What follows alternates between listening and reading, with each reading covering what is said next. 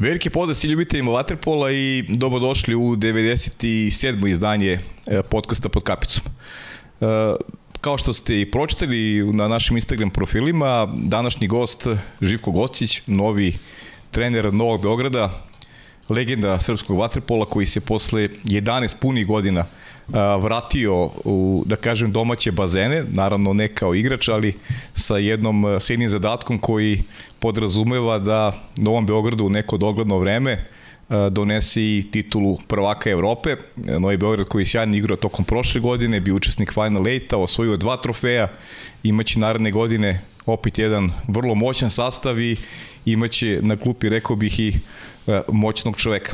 Ja moram malo da privatizujem, ja onako živka neobično poštojen kao, kao čoveka, kao neko koga ja poznajem već duži niz godina, nemam običaj to da radim, ali eto moram prosto iskoristim tu priliku da podsjetim eto ljude da, da je Živko napravio zaista jednu sjajnu karijeru, osvojio mnogo trofeja, ali ono što volim stalno da istaknem da je izvan bazena još bolji nego što je u bazenu i nadam se da ćete uživati u narednih e, dva sata u ovoj, verujem, divnoj emisiji. Žile, hvala ti puno što si prihvatio moj poziv da budeš još jednom gost e, podcasta pod kapicom i ajde da počnemo od ovih najvažnijih, najaktualnijih tema, to je taj tvoj povratak u Beograd nakon e, punih 11 godina. Kako se osjećaš? Vratio si se u svoj grad, vratio si se u prilike koje tako dobro poznaješ. Prvo da se zahvalim na, na pozivu i na ovom, na ovom lepom uvodu, Paju. E, moram da kažem da i meni isto čast i zadovoljstvo da budem ovaj ponovo u podcastu uh, i da, da mi je čast i zadovoljstvo što sam čuo ovaj, ovo što si rekao meni. Uh, hvala.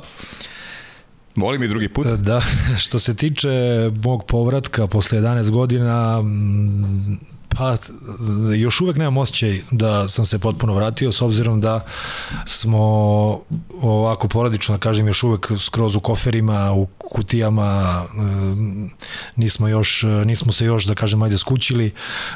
Sa suprugom ovaj, smo negde došli do nekog mm, saznanja da je u stvari nama ova, ovaj stan ovde u Beogradu gde živimo u stvari bio vikendice jer, jer nikad nismo proveli više u njemu od 2-3 meseca, e, ni toliko. Tako da eto, sad ćemo imati priliku lepo da se skućimo, sve to da napravimo kako treba, e, da se, da se, da se, ajde da kažem, prebacimo na, na ovaj, ova fabrička podešavanja, mm -hmm. s obzirom da se vraćamo u svoj radni grad i eto da krenemo polako pa, pa vidjet ćemo dok ćemo dogurati ono što e,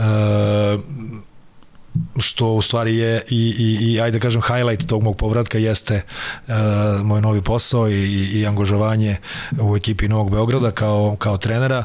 Uh, rekao si u najavi ovaj, dosta toga o, o ambicijama, o, o, o onome što je se dešavalo prošle godine, ono što nas čeka, ono što jeste najbitnije, ono šta je u stvari me i, i, i navelo i nateralo da donesem odluku kako sam donao da se vratim u, u Srbiju i da, i da prihvatim ponudu Novog Beograda jeste upravo ta uh, maksimalno velika ili da kažem viso, maksimalno visoke ambicije jer uh, definitivno mislim da je to posle 11 godina u Solnoku i da kažem ove 4 godine poslednje gde sam proveo kao, kao trener ovaj, Solnoka uh, jedan korak u napred u mojej karijeri. Tako da, tako da eto to gledam sa, na taj način i i upravo kažem još jednom da je da je to što je klub ambiciozan i što što što su očekivanja najveće da me to u stvari nateralo najviše da da prihvatim ponudu.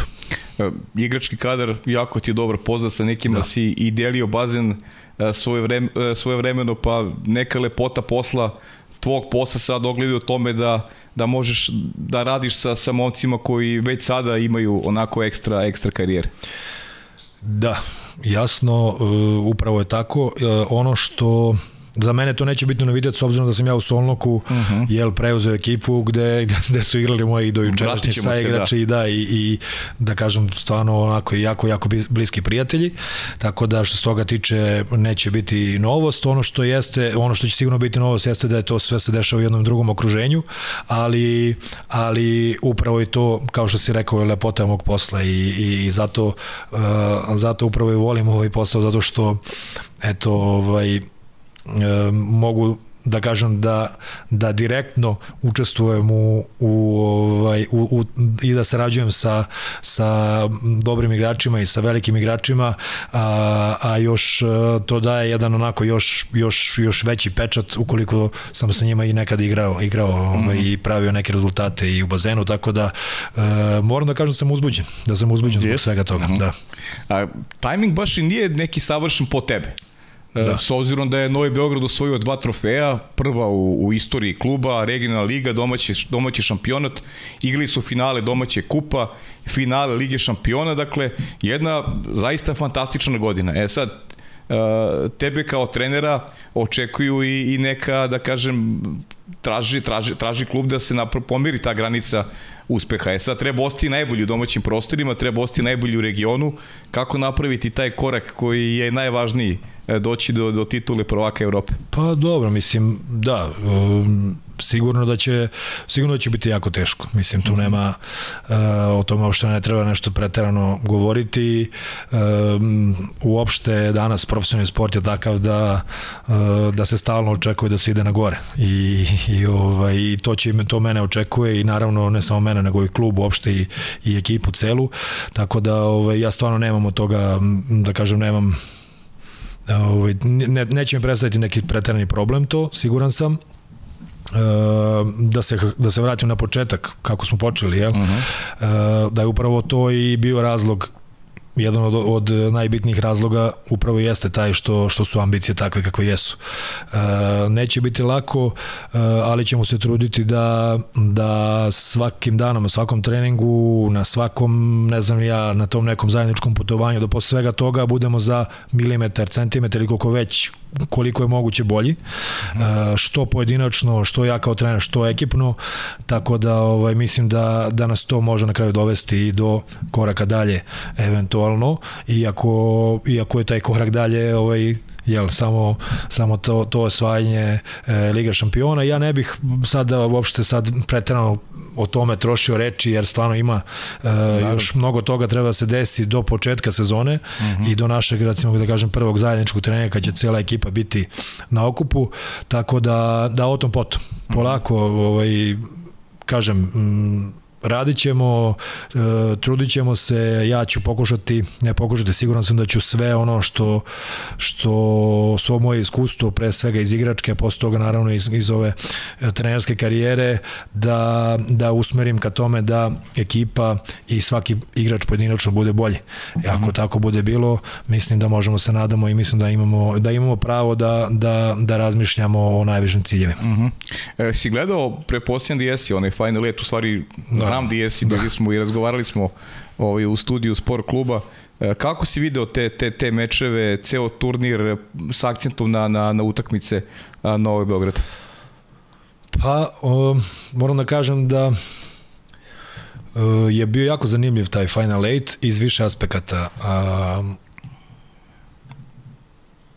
prvi i osnovni jeste to da o tome su pričali malo pre, pre ovoj podcasta, E, je to da su italijanska, odnosno španska ekipa bile povlašćene u, smi, povlašćene u smislu, aj mogu da kažem i Olimpijakos donekle, uh mhm. -huh. e, jer nisu toliko istroženi, nisu imali toliki broj utakmica i nisu e, morali e, tokom sezone E, mnogo puta da ulaze u taj neki ekstra motivacijni prostor, što ne samo da iziskuje e, ne samo da iziskuje fizičku stabilnost, ali mentalno, već e, to je definitivno gorivo koje, koje se troši i nije lako biti na vrhuncu ni fizički, ni taktički, igrački uopšte, a ni kao u formi, a, a isto tako nije lako ni, ni, ni mentalno to sve izdržati. Tako da mislim da su tu ovaj uh, Španci, Italijani, da kažem i, i Grci donekle bili povlašćeni. Uh, s druge strane uh, imali smo stvarno jako zanimljive utakmice, imali smo stvarno veliki broj jako kvalitetnih utakmica. Eto ajde da kažem da napravim neki osvrt na, na suđenje, odnosno na to da je stvarno dosta toga se odlučivalo u, u igraču više, igrača manje. Mm. Jer je stvarno mm. bilo dosta, dosta isključenja i, i dosta prilika za, da kažem, za ekipu koja je u napadu da, da ima e, čoveka više u bazenu, tako da, eto, to je možda neki element igre koji koji ovaj bi u budućnosti mogao da bude mislim ne samo u budućnosti uvek je presudan malte ne ali ali ovaj gledajući sad ajde malo i, i, i posle toga a, svetsko prvenstvo isto isto je isto je to neki zaključak koji je dominantan. E, što se tiče igara Novog Beograda, mislim da su imali tri jako dobre kvalitetne utakmice. E, u prvoj utakmici savladan Marsej, e, mogu da kažem dosta rutinski. E, premda mislim da Marsej u toj utakmici nije pokazao svo svoje ovaj sav svoj potencijal. -huh. e, onda posle toga utakmica Breš. protiv Breše, da, fenomenalna utakmica, možda i najbolja utakmica na celom mm -hmm. Final 8 sa Hitchcockovskom završnicom, stvarno neverovatna jedna utakmica. I eto tu imamo taj, da hajde da kažem fenomen, nije fenomen, ali Brešu. O, Breša koja igra stalno fantastično. Stvarno, pogotovo u zadnjih 3-4 godine, e, napravili su takav sistem igre i trener Bovo je to sve lepo ukomponovao, tako da i protiv uh, svih ekipa, čak i oni koji su na papiru mnogo jači, ovaj, oni uvek igraju, ove uvek igraju do poslednjeg trenutka i pobeđuju i, i evo i ove godine su duž cele ove duž celog ovog grupnog dela Lige šampiona stvarno bili dominantni i bili su na prvom mestu jako dugo, tako da eto meni je ta breša ovaj, stvarno jako zanimljiva i stvarno rade ozbiljan, ozbiljan posao. Mhm. -huh. Mnogo lepo igraju i i, i jako lepo su komponovani. A ta utakmica je je bila najzanimljivija po meni na turniru, ajde, mimo finalne koja je sa, samo po sebi je najzanimljivija. I, i ovaj, tu smo videli eto možda neke novitete u, u Waterpolu za ljude koji ne prate baš, baš toliko, eto videli smo i čak ovaj napad sa igračem više 7 na 6 i, da. i gol o, golmana Tešanovića, da, tako da tako da bilo je svega i, i ovaj jako dobra utakmica je bila sve u svemu. E, mislim da je Novi Beograd e, mogao u toj utakmici i ranije da reši pitanje pobednika, da imao više prilika da e, pogotovo u trećoj četvrtoj četvrtini da se odvoji na dva ili na, na tri, na četiri gola razlike, nije im pošao za rukom, ali ali na kraju krajeva to uopšte nije bitno. Bitno je da je Novi Beograd ušao u finale i da je u finalnoj utakmici protiv Proreka, moram da kažem, uh, po meni bio bolji protivnik u bazenu. Uh mhm. -huh da, da je Novom Beogradu falilo stvarno jako malo da dođe do, do titule uh, prvaka Evrope, ali uh, prorekao je upravo iz tog razloga prorekao, zato što je u, u svake godine, iz godine u godinu imaju um, da kažem ajde to ne volim da to na papiru, mislim to nije uopšte bitno, ali stvarno imaju uh, dobru ekipu, imaju mnogo pojedinaca koji mogu da reše jednim potezom utakmicu, imaju uh, iskusnu ekipu koja je navikla da igra uh, utakmice uh, kao što je finale Lige šampiona, koja je navikla da igra i da, do, da pobeđuje. -huh. te odlučujuće utakmice i upravo su igrači koji dolaze u Proreko i koji su u Proreko već godinama uh, selektirani na način da, da upravo mogu da iznesu taj teret, što su i na kraju krajeva dokazali uh, u, u finalnoj utakmici. Uh, eto imamo i, i taj podatak da je da je Sandro Sukno možda i najmlađi jeste, da, da najmlađi ovaj trener koji je osvojio kup šampiona, ligu šampiona. Uh, napravio je odradio je sjajan posao, mislim stvarno uh, stvarno kapa dole za celu sezonu. Uh. -huh. Jesu osvojili sve trofeje u svakom u svakom o, o, u svim takmičenjima. koje su u kojima su nastupali tako da stvarno jedna jedna jedna sezona uh, za pamćenje kako za Proreka tako i za Sandra. Uh, i ovom prilikom učestvujem na tome čestito samo i lično, ali evo mm -hmm. i da mhm. iskoristim ovu priliku. Tako da, eto, toliko što se tiče tog uh, Final 8 kažem, uh, moje mišljenje da je da je Novi Beograd ovako sve ukupno, ja sam posle odgledao ponovu utakmicu, uh, možda čak i bio bolji protivnik, ali uh mhm. -huh. sport je upravo iz tog razloga i, i zanimljiv zato što uh, 12 sekundi nekad izgleda kao da je kao da je eto tu je na dohvat ruke, međutim ispostavilo se da nije. Ušlo se u tu penal seriju dosta ljudi vole da priča o tim penalima kao o nekoj lutriji, ja i dalje tvrdim da to nije uopšte lutrija.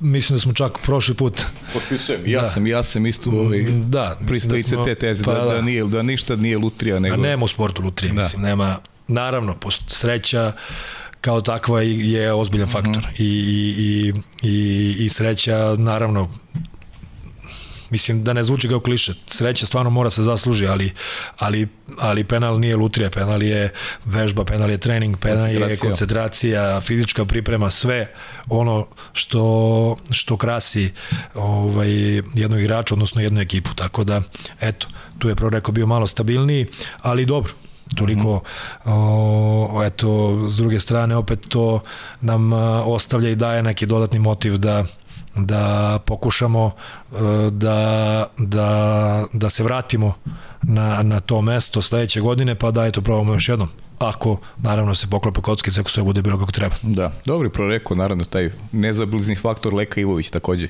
Takođe, jeste, jeste, da. Leka je tu ovaj, već e, da, jako dugo i, i on je mogu da kažem stvarno i ono, taj neki ajde da kažem prvo rekao ono bastion jel što se da. tiče tih svih uspeha um, ajde da kažem vezano za poslednju deceniju mm jer je on ovaj uvek bio tu i i imao je stvarno ima i dan danas jednu fantastičnu karijeru i je veliki igrač mm -hmm. i mhm. veliki šampion. E, znaš kako sad dok sam te slušao, dve stvari su mi prošle kroz glavu, eto kao neka, da kažem, dodatna pitanja. E, Novi Beograd koji je se suočavao sa igračima Beograda sa jednim ozbiljnim pritiskom, jer mi na ovim prostorima, neću reći samo u Srbiji, generalno, jako se teško navikavamo na nešto što je novo. A, Novi Beograd kao novi projekat, ruku na srce, nije baš bio ni miljenik javnosti, čak ni postin utakmicama nisu bile toliko dobre, mislim da će, da će stvari biti drugačije kako vreme prolazi, kako ljudi počeju da se navikavaju i kako budu spoznavali da se radi u jednom E, zaista sjajnom e, sportskom projektu satkanom od toliko kvalitetnih igrača. Mislim da će ova druga godina u tom pogledu biti možda i lakša. Da tu možda negde sad pokušam nađem i tebi neku olakšicu odnosno na prošlu godinu, teže ti je to što su rezultati bili tako dobri pa moraš da pratiš taj standard, ali mislim da će momcima biti lakše u bazenu jer javno se sada već uh, navikla Novi Beograd E, kao što rekoh, e, teško se prihva, prihvataju novi da. projekti i da bi u tom pogledu mogli momci e, da budu rastrećeni i da klub samim tim lakše funkcioniše ka nekim svojim ciljevima. Pa eto, da, zanimljivo, da, zanimljiv pogled na sve to i slažem se. Slažem se da bi da bi to isto moglo da bude jedan faktor pod navodnicima olakšavajući. Pod navodnicima olakšavajući. Uh, ima tu i druga stvar što se tiče, ajde, tog, ajde da kažem, pritiska. Ovaj, ja to gledam s, uh, iz prizme uh, da je to znači, ukoliko si ti dovoljno dobar da nastupaš u takvom u, u klubu i za takvu ekipu da igraš, znači da si ti jel, u, nekom ruku, u neku ruku povlašćen u smislu da je to ono ako ne najbolje, onda znači uvek si tu negde u prva dva, tri, u, u koje god takmičenje da si krenuo. I da je to jedna privilegija.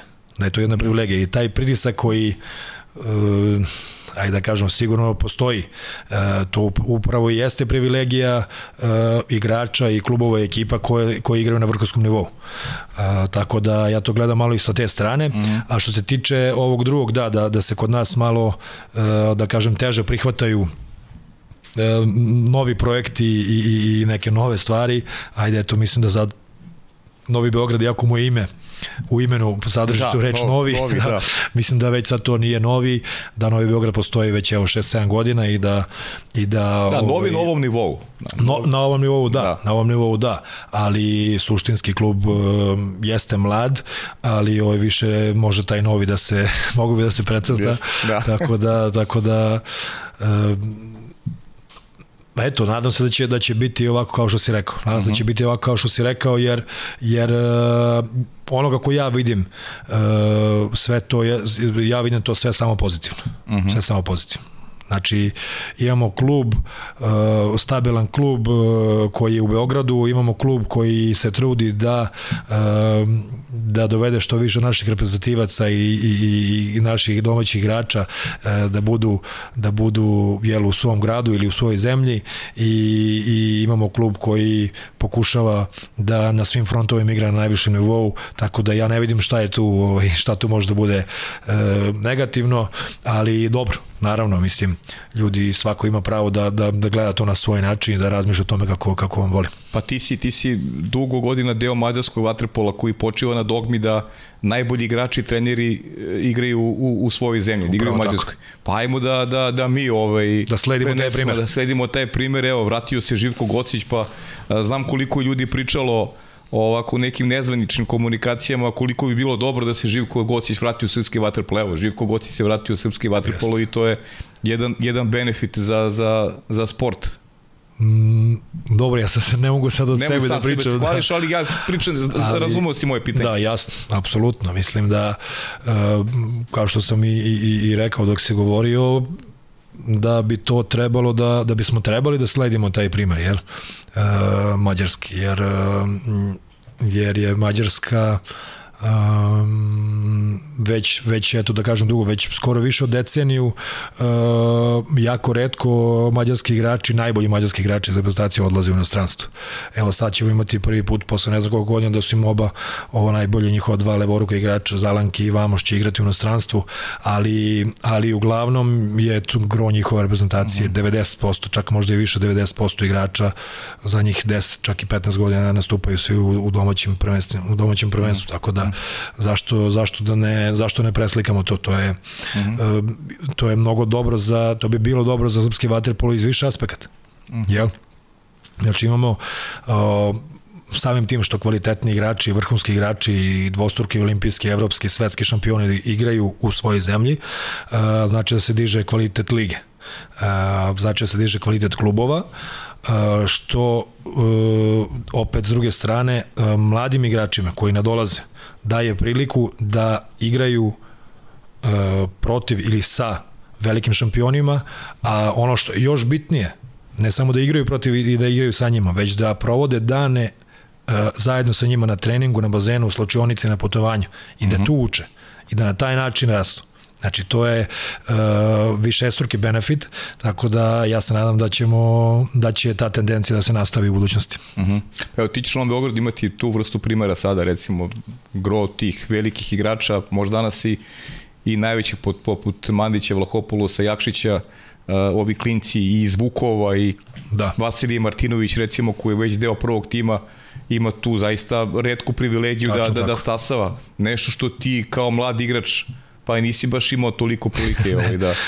kroz reprezentaciju da, kroz ali u klubu ne. Klub ne da. Ali u klubu ne. Da. Tako da mislim da je to stvarno um, od, od jako velikog značaja za mlade igrače. Mislim, nema ne može drugačije da raste, ne može ne postoji bolji način za mlade igrača da da da uh -huh. da raste, ne mislim ovaj samo na fizičku na fizički da, rast, da, nego da. uopšte da raste kao igrač i kao ličnost, već da prisustvuje treningu, da da vidi uh, način uh, funkcionisanja način rada, uh, motivaciju, želju da na svakom treningu se bude bolje, da se na svakom treningu da maksimum.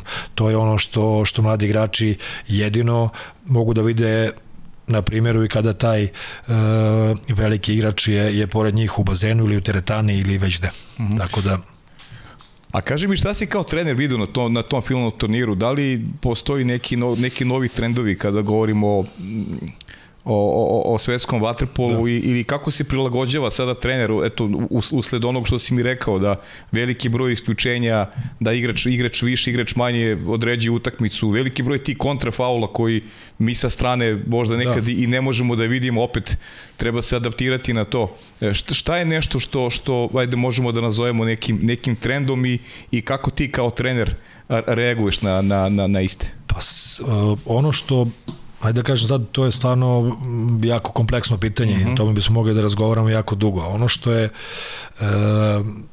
negde kako ja vidim jel, u kom, smje, kom ide vaterpolo i kako se razvija i kao i svi drugi sportovi i vaterpolo se mnogo ubrzo.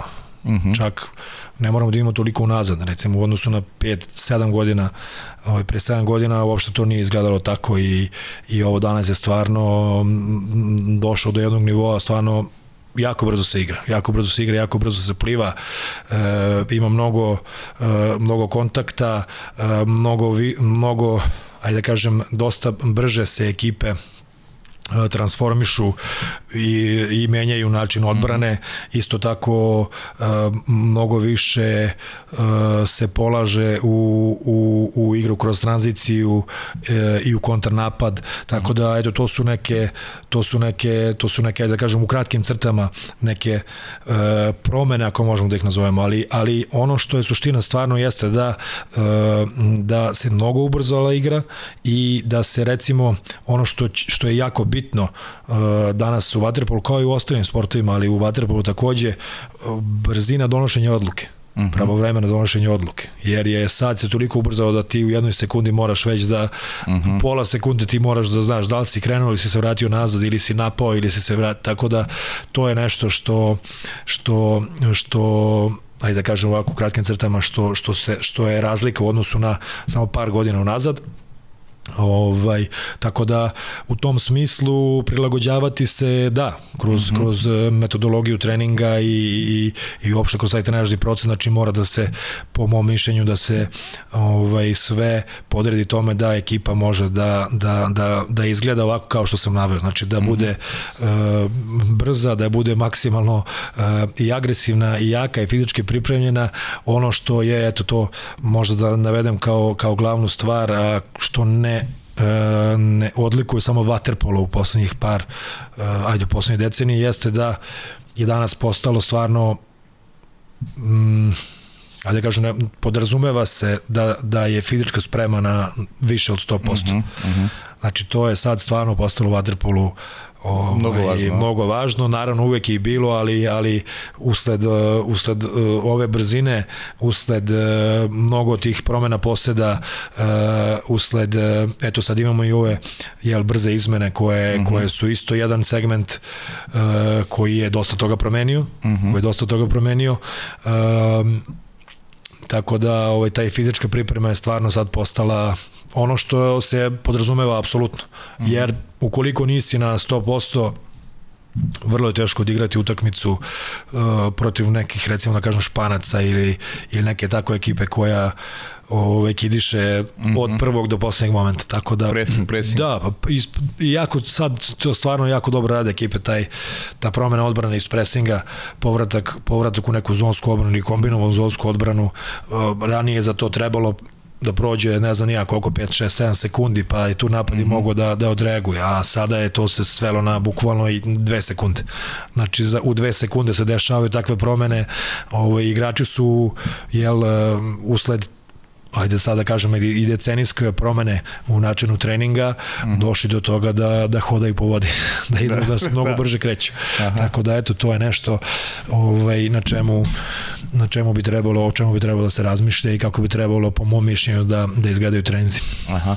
A su drugačiji treninzi u odnosu na misli ti tako davno završio karijeru kako ne. ti prilagođavaš ovaj trening i onda ili više radiš i ti na toj nekoj fizičkoj pripremi, da li to podrazumeva manje bazena, a, a, a više rada u teretani ili je to neka skladna kombinacija? Skladna kombinacija, uglavnom. Mm -hmm. U pitanju, skladna kombinacija. Trening, e, sam po sebi, da, jeste se malo promenio, jeste se mm. malo promenio, ajde da kažem sad ovih poslednjih, ajde ja sad ne igram već koliko, 4-5 godina, a, ali ali već poslednjih dve, tri godine moje igračke karijere sam primetio i na sebi, a i, a i ovako kroz trening da, da se to menja, da to ide malo ka ovaj, da nije baš to kao pre 20 ili ne znam nija koliko godina, ovaj, što je i, i logično što je logično, mislim.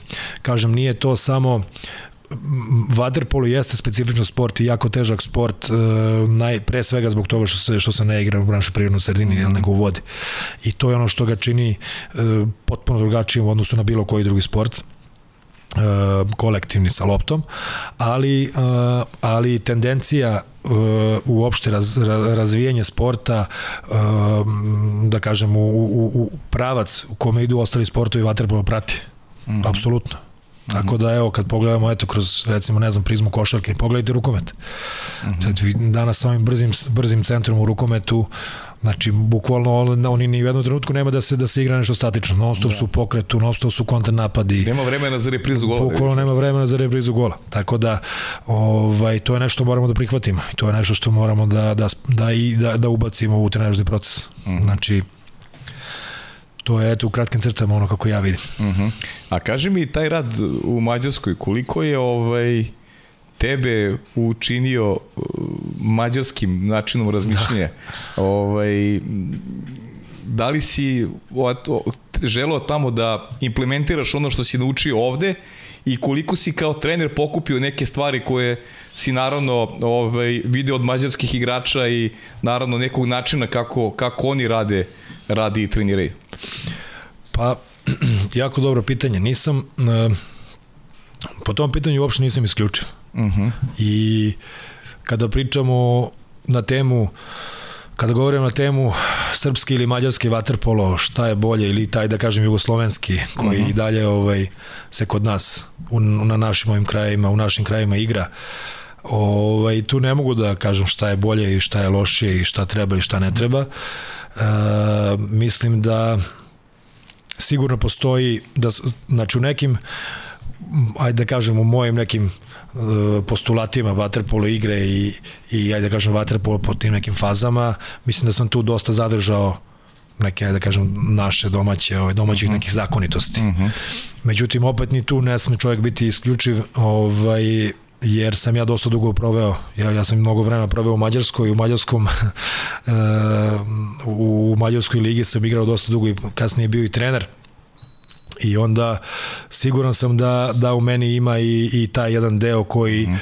koji, koji, ajde da kažem, voli da, da voli taj mađarski način, voli eto da kažem i, i malo više tog nekog um, umeća sa loptom i bez lopte i, i ovaj, malo više, da, da kažem, neke slobode i kreacije mm -hmm. u odnosu na, na, ovaj, na, neku, eh, na nešto što je potpuno u nekom sistemu i tako mhm. dalje. Ali kažem, to je stvarno eh, jako dobro pitanje, jako kompleksno, eh, zahteva jako kompleksan odgovor, ali kažem, nisam, nisam isključio. Nisam isključio. Mm -hmm. Naravno, postoje stvari za koje ja smatram da samo tako i nikako drugačije ne, ne da može da baza da, da, da su baza neka, ali naravno postoji postoji ovaj mnogo nekih stvari gde gde smatram uh, i nekih segmenata i nekih elemenata igre gde smatram da ono što Mađari mogu da izvedu i što Mađari rade na sebi i u svojstven način da je to fantastično. Tako da mm -hmm. eto mogu da kažem za sebe. Čak sam ja i ranije i ovaj dok sam još bio u Mađarskoj često sam čuo uh, da, da ja nisam srpski trener, nego mađarski. Ja, mm -hmm. pošto sam tamo ovaj, počeo da radim i tako, mm -hmm. tako da eto, ovaj, možda ću e, sad imati priliku kao prvi mađarski trener da radim ovde u Srbiji. Ali dobro, to je sad uh, opet neke uh, uh, prepoznavanje neke, neke naravno i, i, i tvoje vizure i igre i, i nekog šmeka koji imaš vezan za, i za pojedinca, verujem, da. Uh, da mu daš neku slobodu koju možda nekom opet ne može da je daš jer prosto, prosto Jasno, ne zaslužuje. Ne zaslužuje, tačno ne zaslužuje, ima i toga, verovatno. Tačno tako, tačno da. tako. E, a, opet, ajde da ne zaborim, malo skačemo s teme na temu, ali nisi dugo bio, pa uvijek imam svašta da te pitam. Ta breša, e, eto neki, neki pokazatelj da uh, i u sportu na vrhovskom nivou možda se funkcioniše kad imaš jedan dobar sistem uh, napravljen i nekad imaš utisak, evo kad uporedimo Brešu od prošle godine, sa ekstra pojedincima koji su otišli, ne znam, Lahopolosom, Kanela, da. Delungo. Uh, međutim, pa, ljudi koji su došli da popune ta mesta, ti ne vidiš razliku u odnosu na igru prošle godine. Ja, uh, čak u pojedinim situacijama ove sezone delovalo kao da Brešak igra bolje u odnosu da. na, na prošlu godinu, što je, što je stvarno jedan, jedan podatak koji je, koji je poprilično ovako neobjašnjiv. Iz percepcije oni koji sve gledaju kroz novac kroz matematiku pa, ko koliko košta. Ne, A. kad imaš sistem, Tačno stvari tako. izgledaju jako dobro posložene. Tačno tako. Ono što, ajde kad pričamo sad vezano za Brešu, ono što jeste najbitnije tamo jeste da u tom klubu jeste da je, da je, da je trener Alessandro Bovo, ja mislim već 11 sezona tu trener. Znači da on sprovodi svoj sistem rada već 11 godina i da naravno bilo je sezona kada to nije izgledalo dobro ili šta ja znam, kad, kad su imali neke manje padove i šta ti ja znam, što je sasvim normalno u sportu. Međutim, ono što upravo i, i, i što si ti sada rekao, je to što krasi da je klub je upravo taj neki sistem igre koji, koji oni forsiraju već godinama, 4-5 mm -hmm. godina, 6 unazad, e, u odnosu na uh, ajde da kažemo neko vaterpolo tržište tokom leta oni pokušavaju uvek da naprave jedan tim koji će biti konkurentan i ali ne uh, ali ne samo isključivo uh, jel dovođenjem uh, najboljih svetskih igrača u tom trenutku na, na, na različitim pozicijama već da pokušavaju da na taj način selektiraju, to jest da, da prave selekciju dovođenja igrača koji će da se uklope u sistem igre kakvu Breša Force, mm -hmm. u stvari kakva, kakvu tu filozofiju igre kakvu, kakvu Bovo ovaj, zahteva. Mm -hmm. I to se ispostavilo kao sasvim jedan uh, dobar, uh, dobar program, jer, uh, kažem, stvarno Breša igra uh, značajnu, značajnu ulogu u Ligi šampiona i naravno u italijanskom prvenstvu, oni su prošle godine bili šampioni, jel? Mm -hmm. ovaj, iako je prvo rekao bio prvak Evrope i, i bio na papiru mnogo, mnogo jači od njih, ali eto, ovaj, uspela je Breša da, da, da, da osvoji ovaj, prvenstvo, tako da Tako da naravno nije sve u tome ko ima veći budžet, već mm -hmm. da, sistem. da, da sistem ovaj, treninga i rada i igre uh, daje rezultate. Mm -hmm. e, Žile, ajde još, još malo o, o Novom Beogradu ono što, što te čeka, pa ću da te vrati malo nazad na period proveden u Solnoku. E, bio si kao igrač pravi kapiten u bazenu, bio si pravi kapiten izvan bazena. E, neko ko je u tom pogledu bio ogledalo ekipe i pokazatelj koliko je ekipa, koliko je ekipa moćna, kompaktna, koliko e, tu vlada jedna dobra atmosfera, dobra hemija, pa samim tim verujem da ti značajno ko ti je kapiten u ekipi koju treniraš. To je Manda da. taj? Pa man, da, Manda, Manda. Mislim mm -hmm. da tu ne, nećemo to, ovaj, to mm -hmm. menjati. E, moram da, da, da budem iskren, ovaj, meni, da kažem 90% igrača su zauzeti ovim reprezentativnim yes. uh, akcijama uh, upravo ajde sad da kažem Manda baš i nije ovaj, ali, ali oni su sad dobili ovaj, uh, moram da kažem iz, izuzetno zasluženi odmor. Jeste. Tako da, tako da, tako da nisam još uvek uh, seo sa igračima, Aha. sa nekima sam uspeo jel, da se vidim i da, i da porazgovaram na temu sledeće sezone, ali, ali uh, volim igračima da dam ovaj, oduška i da igrači imaju slobodno i da potpuno se isključe iz vaterpola da uopšte ne razmišljaju na, na tu temu. Uh -huh, uh -huh. Tako, da, tako da o tom potom. Uh -huh. Pričat ćemo o tome i to ćemo, uh, to ćemo sve kada bude došlo vreme za to i kada se ove, jel da kažem, njihove reprezentativne akcije budu završile, to je 10. septembar, pa onda posle toga. Uh -huh. Ali da, ali Manda će biti kapitan. Manda kapitan. E dobro, ajde možda kažeš, da nam kažeš malo o, o tome kako će izgledati ekipa sledeće godine, ili se to već zna, ili su to već postavljene stvari ili još traje taj neki prelazni period gde su, gde su moguće još neke promene? Traje prelazni period, moguće su još neke promene, ali mm -hmm. mislim da te promene mogu biti samo minimalne i ne, neće mm -hmm. to biti nešto mhm. što, što će biti sad, ne znam ni ja e, kakva informacija. Ono što je bitno u odnosu na, na prošlu godinu, uh, Gojko Pjetlović, uh, Draško Gogov i Pera Tomić, uh mhm. -huh. ovaj, uh, naime, Draško Gogov i Pera Tomić su, su već naše klubove, idu u, u Francusku jedan na drugi, da, mhm. Draško će, Draško će ići kod, kod Draško ide kod Stefana Ćirića u Noizi, uh, Pera Tomić, ako se ne varam, ide u set takođe u Francusku, uh -huh. uh, Gojko Petlović je tu malo, to je malo situacija drugačija, s obzirom da je Gojko imao još jednu godinu ugovora sa, sa klubom, ja sam naravno imao i razgovor sa Gojkom na tu temu. Mislim da naravno ne bih sad da, da iznosim ovde naravno. detalje koje sam ja sa njim o kojima sam ja sa njim razgovarao ono što je jeste negde e, moja odluka je jeste da, da se šansa da e, mlađim golmanima i da će klub na svaki način to pokuša da, da Gojko e, zadovoljan e, da Gojko bude zadovoljan na kraju odlaskom iz kluba e, oko toga sad traju dalje pregovori, ali, ali eto, to je suština neka e, i odgovor na tvoje pitanje.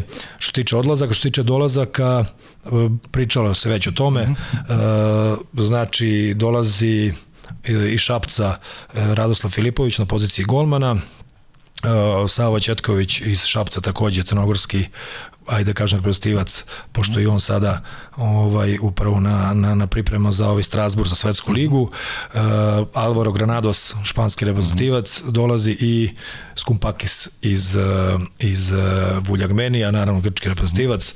Eto, to, to su neke promene u odnosu na prošlu godinu. Uh,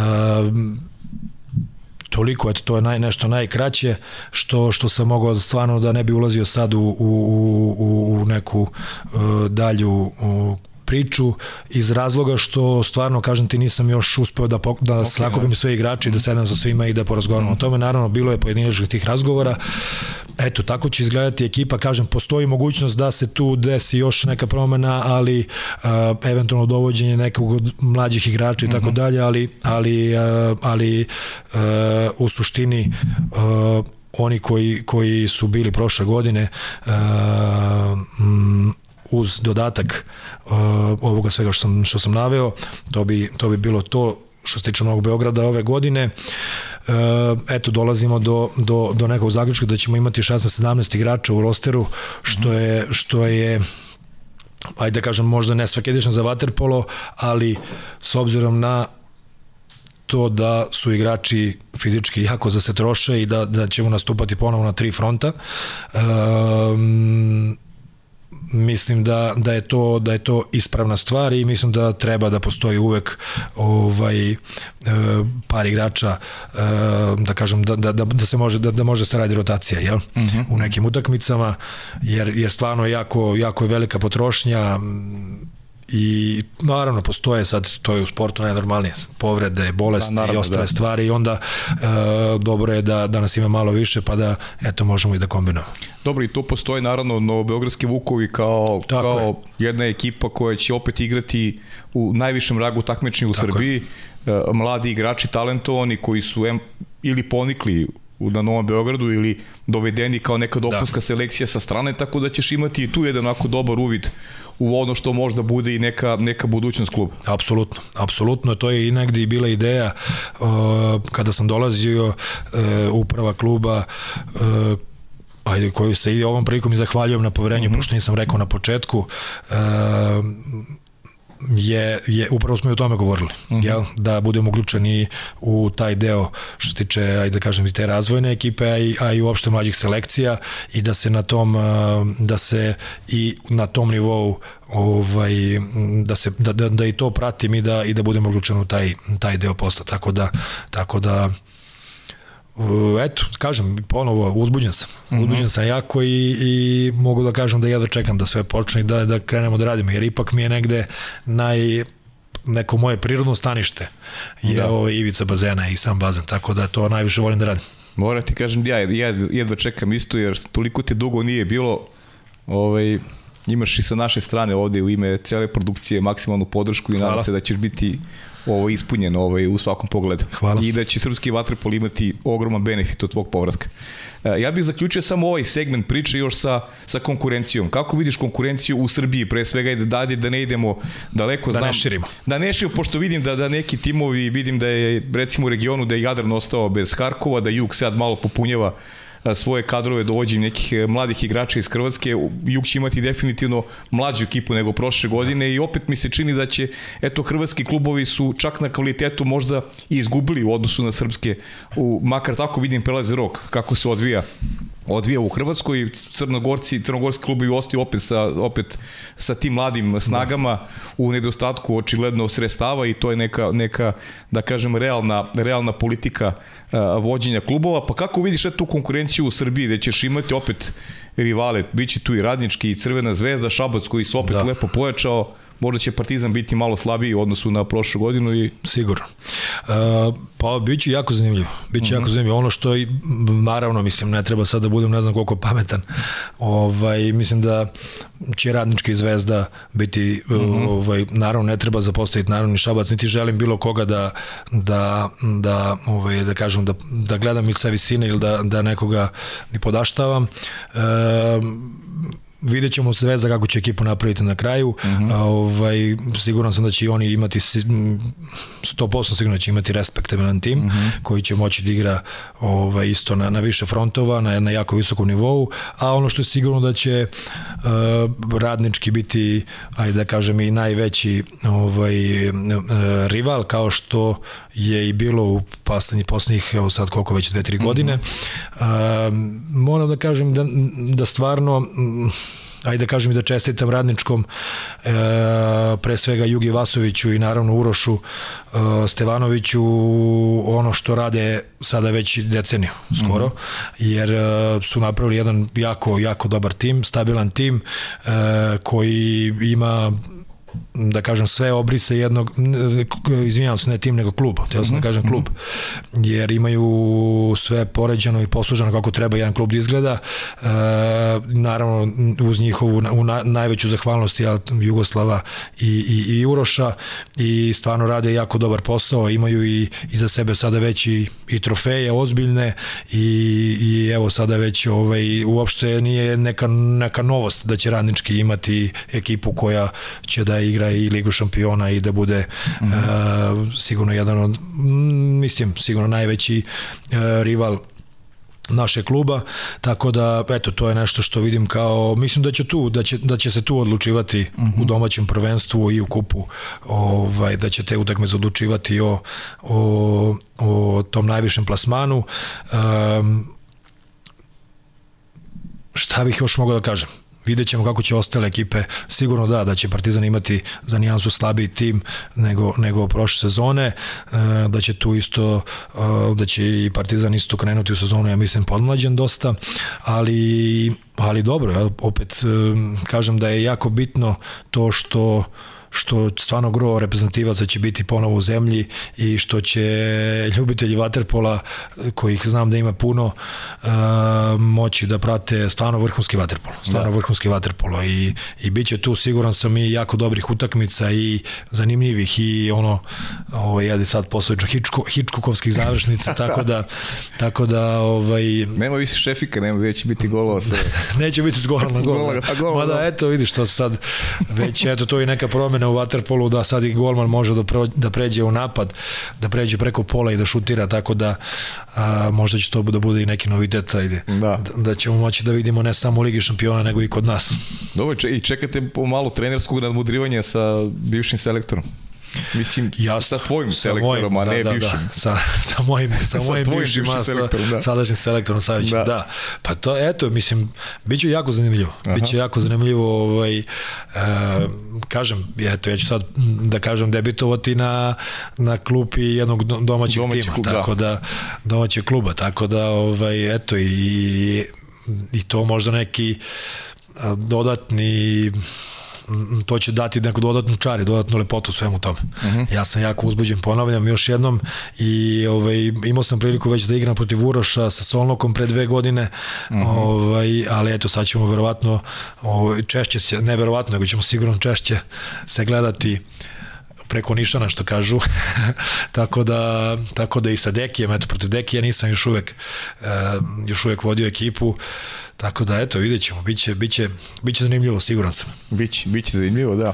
Ovaj, ajde sad da te, kako je došlo ovaj, da se Žile vrati u Srbiju, pa 11 godina u Solnoku, Uh, ovde smo u onom prošlom podcastu dosta toga smo pričali o Solnoku, ali ajde da se pre, pre nego što krenemo na taj svečani deo i rastanak koji si imao sa klubom, da nam ispričaš kako je prošla ova minula sezona, kada je onako već tim bio i značajno pomlađen, kada su da. neki igrači poput Fiće otišli i Drašović takođe. Duško. Duško, da, vi ste bili šampioni mađarski, to u situaciji kada nisu, nije se očekivalo da, da Solnok bude šampion. Naprotiv, Ferenc Varoš je bio favorit, ali Solnok je onako da kažem, u velikom stilu došao do, do šampionske titule i onda si podmladio tim, silom prilika ili kako god, pomlađene sastavi. Ajde ispričaj malo o, o, o tekućoj sezoni, kako je, kako je to izgledalo. Počelo s onim, s onim kvalifikacijama i, da. i, i porazom, porazom od OSC-a da. u, u tom finalu kvalifikacija za odlazak za ulazak u Ligu šampiona. Jeste. Uh, ajde da se vratimo još i samo korak može, unazad. Može. A, ovo što si pomenuo, znači prethodne one tamo sezone mhm. -huh. smo osvojili prvenstvo Mađarske i, i osvojenje takođe i Eurokup. Eurokup, tako je. Kao, da da kažem, neki ekstra trofej koji nije ovaj, bio uopšte, da kažem, ajde u nekim planovima. Uh -huh. uh, s, s tim što je, je ajde donekle da kažemo, pošto smo i te godine bili u kvalifikacijama za za Ligu šampiona, pa je onda nekim čudnim spletom okolnosti, ne čudnim, ali odigrali smo neku čudnu utakmicu, utakmicu sa mladosti, sa, pre, sa mnogo oh, golova, da, ja mislim 18, 18 smo odigrali, mm -hmm. 16, 16, ne mogu sad da, da jurili ste i konstantno ste ih da, jurili. Nešto. sve, sve mm -hmm. vreme smo jurili mladosti tako i onda smo mi zbog toga, zbog te bolje go razlike ili loše go razlike, nismo prošli u, u grupnu fazu Lige šampiona, ali opet je pitanje sad iz ove perspektive Uh, s obzirom na, na način takmičenja to je bila ona COVID godina kada su se igrali oni. -huh. turniri. Turnirski sistem je bio u Ligi šampiona. Pitanje je uh, dokle bismo mi dogurali i koliko bismo mogli da odemo daleko s obzirom na roster koji ajde da kaže nije bio mhm. preterano preterano širok. Imali smo kvalitet na na tim ključnim pozicijama golman back center naravno imali smo ovaj sa desne strane ovaj Fiću Filipovića koji je mislim da ne, ne želim uopšte da govorim o tome koliko da. bitan i koliko dobar igrač e, tako da tako da Tako da, da se vratim na ovu temu, dakle da smo nastupali u Eurokupu što se ispostavilo kao dobro uh mhm. -huh. na kraju za nas, jer smo, jer smo ovaj, došli do kraja i osvojili trofej. Uh -huh. A, a, što se tiče, i tu moram da kažem, to stvarno moram da kažem da, da da dugujem stvarno veliku zahvalnost celoj narodnoj klubu i, i, i svim igračima, ali a, posebno moram da, da, da, da naglasim a, Fiću i Duleta. Mhm. Uh -huh Ovo, I da se vratim na početak i na uvod tvoj kad se rekao da imam dosta prijatelja mojih s kojima sam igrao, pa, sam, pa sam i posle bio mhm. trener, tako da i Fiće i Dule spadaju u tu kategoriju i, ovaj, i da su oni mnogo toga iznali na svojim leđima te godine i da kažem ono što možda ljudi ne znaju, da je Dule Pjetlović pa poslednjih dobrih jedno mesec dana igrao su slomljenim prstom. Uh mhm. -huh. I finale to već polufinale prvenstva igrao slomljenim prstom, pa onda finale Eurokupa i finale prvenstva, znači jedno 5-6 utakmica, 7 je odigrao čovjek sa slomljenim prstom. Ovaj, što je isto jedan od da kažem kad pričamo sad o razvoju mladih igrača i mm -hmm. tako mhm. dalje ovaj, ja uvek to volim da stvarno da apostrofiram i da kažem da je to dokaz da da ajde ne samo privrženost klubu i požatovanje i tako dalje to je um, redkost da, da neko da neko da to je odnos prema samom odnos sebi. prema samom sebi upravo to mm. odnos prema samom sebi i taj uh, moment gde on ne prihvata da je njemu polomljen prst i da uopšte to mu ne predstavlja znači ni u jednom trenutku nije bilo pitanje da li će da bud, a hoćeš da igraš ili neće da igraš to uopšte se nije postavljao pitanje Znači, on je čovjek samo došao da s tim slovim prst, ali stavit ću ono, to ćemo da zalepimo izolirkom i, i ovo, tako, da, da, tako da i to isto dosta oslikava i dosta govori o, o Dušku kao sportisti Ano. i kao igraču, da. Pa ostalo, aj, napravit ćemo digresiju, Dule je bio i deo one, zvezdi, one zvezdine generacije koja je bila prvak Evrope, kada im Janu rečeno možete da idete, Jest. oni eto. su ostali i postali prvaci Evrope. Tako da, tako da eto, mora, morao sam ovaj da iskoristim ovu priliku, jer, jer se nismo videli posle toga. Uh mhm. -huh. ovaj, i posle osvojenih tih titula u Mađarskoj i u Eurokupu. E, onda je došla prošla sezona gde je, da, definitivno finansijski klub više nije mogao da, da naravno, kao i svuda, jel, posle, prošao taj COVID i, i naravno i kod nas u klubu se osetilo e, u budžetu i probali smo da napravimo jedan respektabilan tim koji će da, koji će da, da proba da da ono što je jeste bio cilj zapravo jeste da, da budemo u prva četiri u kupu i u prvenstvu mm -hmm. uh, Mađarske i da probamo da se kvalifikujemo za Ligu šampiona, ali to nije bio primaran zadatak mm -hmm. da, uđemo, da uđemo u Ligu šampiona u grupnu fazu, već da ako ne, ako ne prođemo da, da nastavimo u u Eurokupu. E sad pomenuo si taj poraz od, e, to je stvarno jako zanimljivo. Mi smo sa OSC-om odigrali dosta utakmica prošle godine, ja mislim šest ili sedam i samo smo jednom izgubili, ovo ostalo smo pobedili. Ne, nevjerovatno. Ovaj, i negde smo pobedili sa jednim razlike, negde smo na penale pobedili kao u Eurokupu, ali uglavnom smo ih pobeđivali i onda je došla ova sezona gde smo se mi, jel, značajno smo bili mhm. oslabljeni u odnosu na, na, na prošlu sezonu uh, i došlo do toga da igramo sa ekipom OSC-a tu odlučujuću, odlučujući meč za, za prolaz u ligu šampiona u grupnu fazu. Smo mi u prvoj utakmici izgubili kod kuće 15-8. Mm -hmm. Sve razlike smo izgubili, što stvarno je bilo ovaj, nije prijatno. Mm.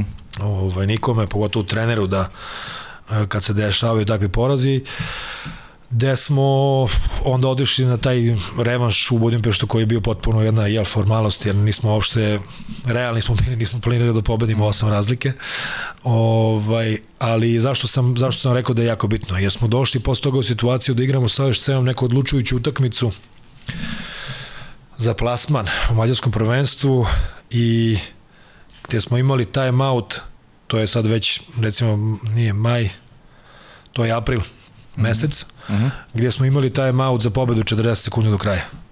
Znači to je slika ekipa od početka sezone i ekipa u aprilu, u aprilu mm. koja sa tim istim OSC-om kakav je bio na početku sezone igra utakmicu na nož i na jedan gol. Mm. Uh, tako da tako da eto ovaj uspeli smo na kraju da stvarno jednim velikim radom i, i, i trudom i, i zalaganjem svih nas u stručnom štabu i klubu uopšte um, naravno uz veliki rad igrača i veliku posvećenost da dođemo i da, na, da dođemo do, do nivoa da možemo sa svima da igramo, mhm. -huh. što jeste bio negde cilj. Um, Imali smo čak i jako dobre utakmice smo odigrali u, fina, u prvenstvu, u, izvinjavam se, u kupu uh -huh. uh, Mađarske, gde smo upravo OSC, da, to sam zaboravio.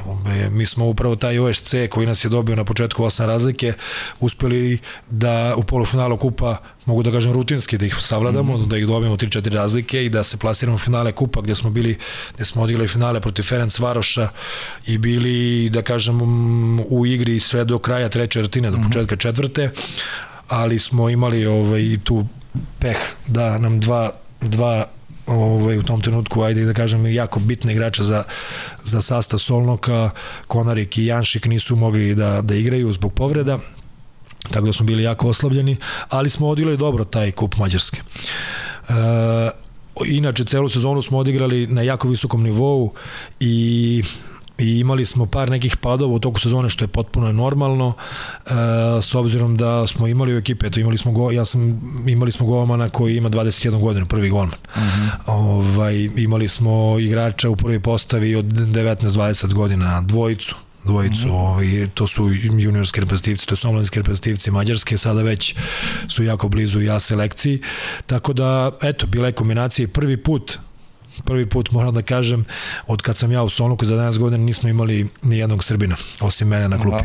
Što je jako čudno bilo i meni i uopšte u klubu i ovaj ali upravo je to, to i oslikava negde situaciju u našem vaterpolu domaćem. Znači, nismo da, da, mogli, nismo imali priliku da dovodimo srpske igrače. Uh,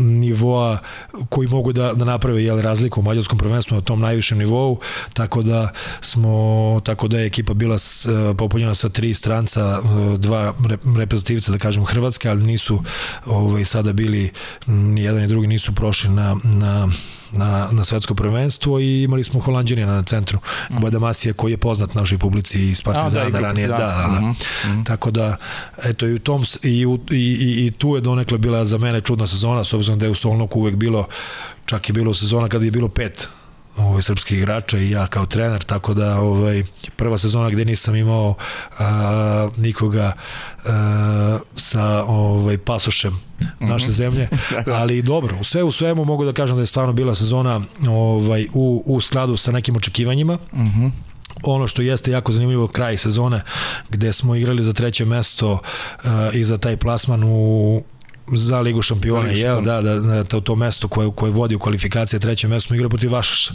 protiv Vašaša koji je dva ili tri meseca pre toga preuzeo Boba Nikić. Igrali si protiv Kuma. Tako je, protiv Kuma i, i ovaj, e, tu, eto, to je za mene kao trenera i mene lično ovako jedan žal ostaje za tim što što ja nisam nisam uspeo da iz ekipe iz, izvuče maksimum u tom dvomeču. Mhm. -huh. ovaj, što naravno ne umanjuje nikako tu pobedu Vašaša u, u dvomeču, jer su jednu i drugu utakmicu rutinski su nas savladali, ali sam opet s druge strane siguran da to nije bio pravi odnos snaga.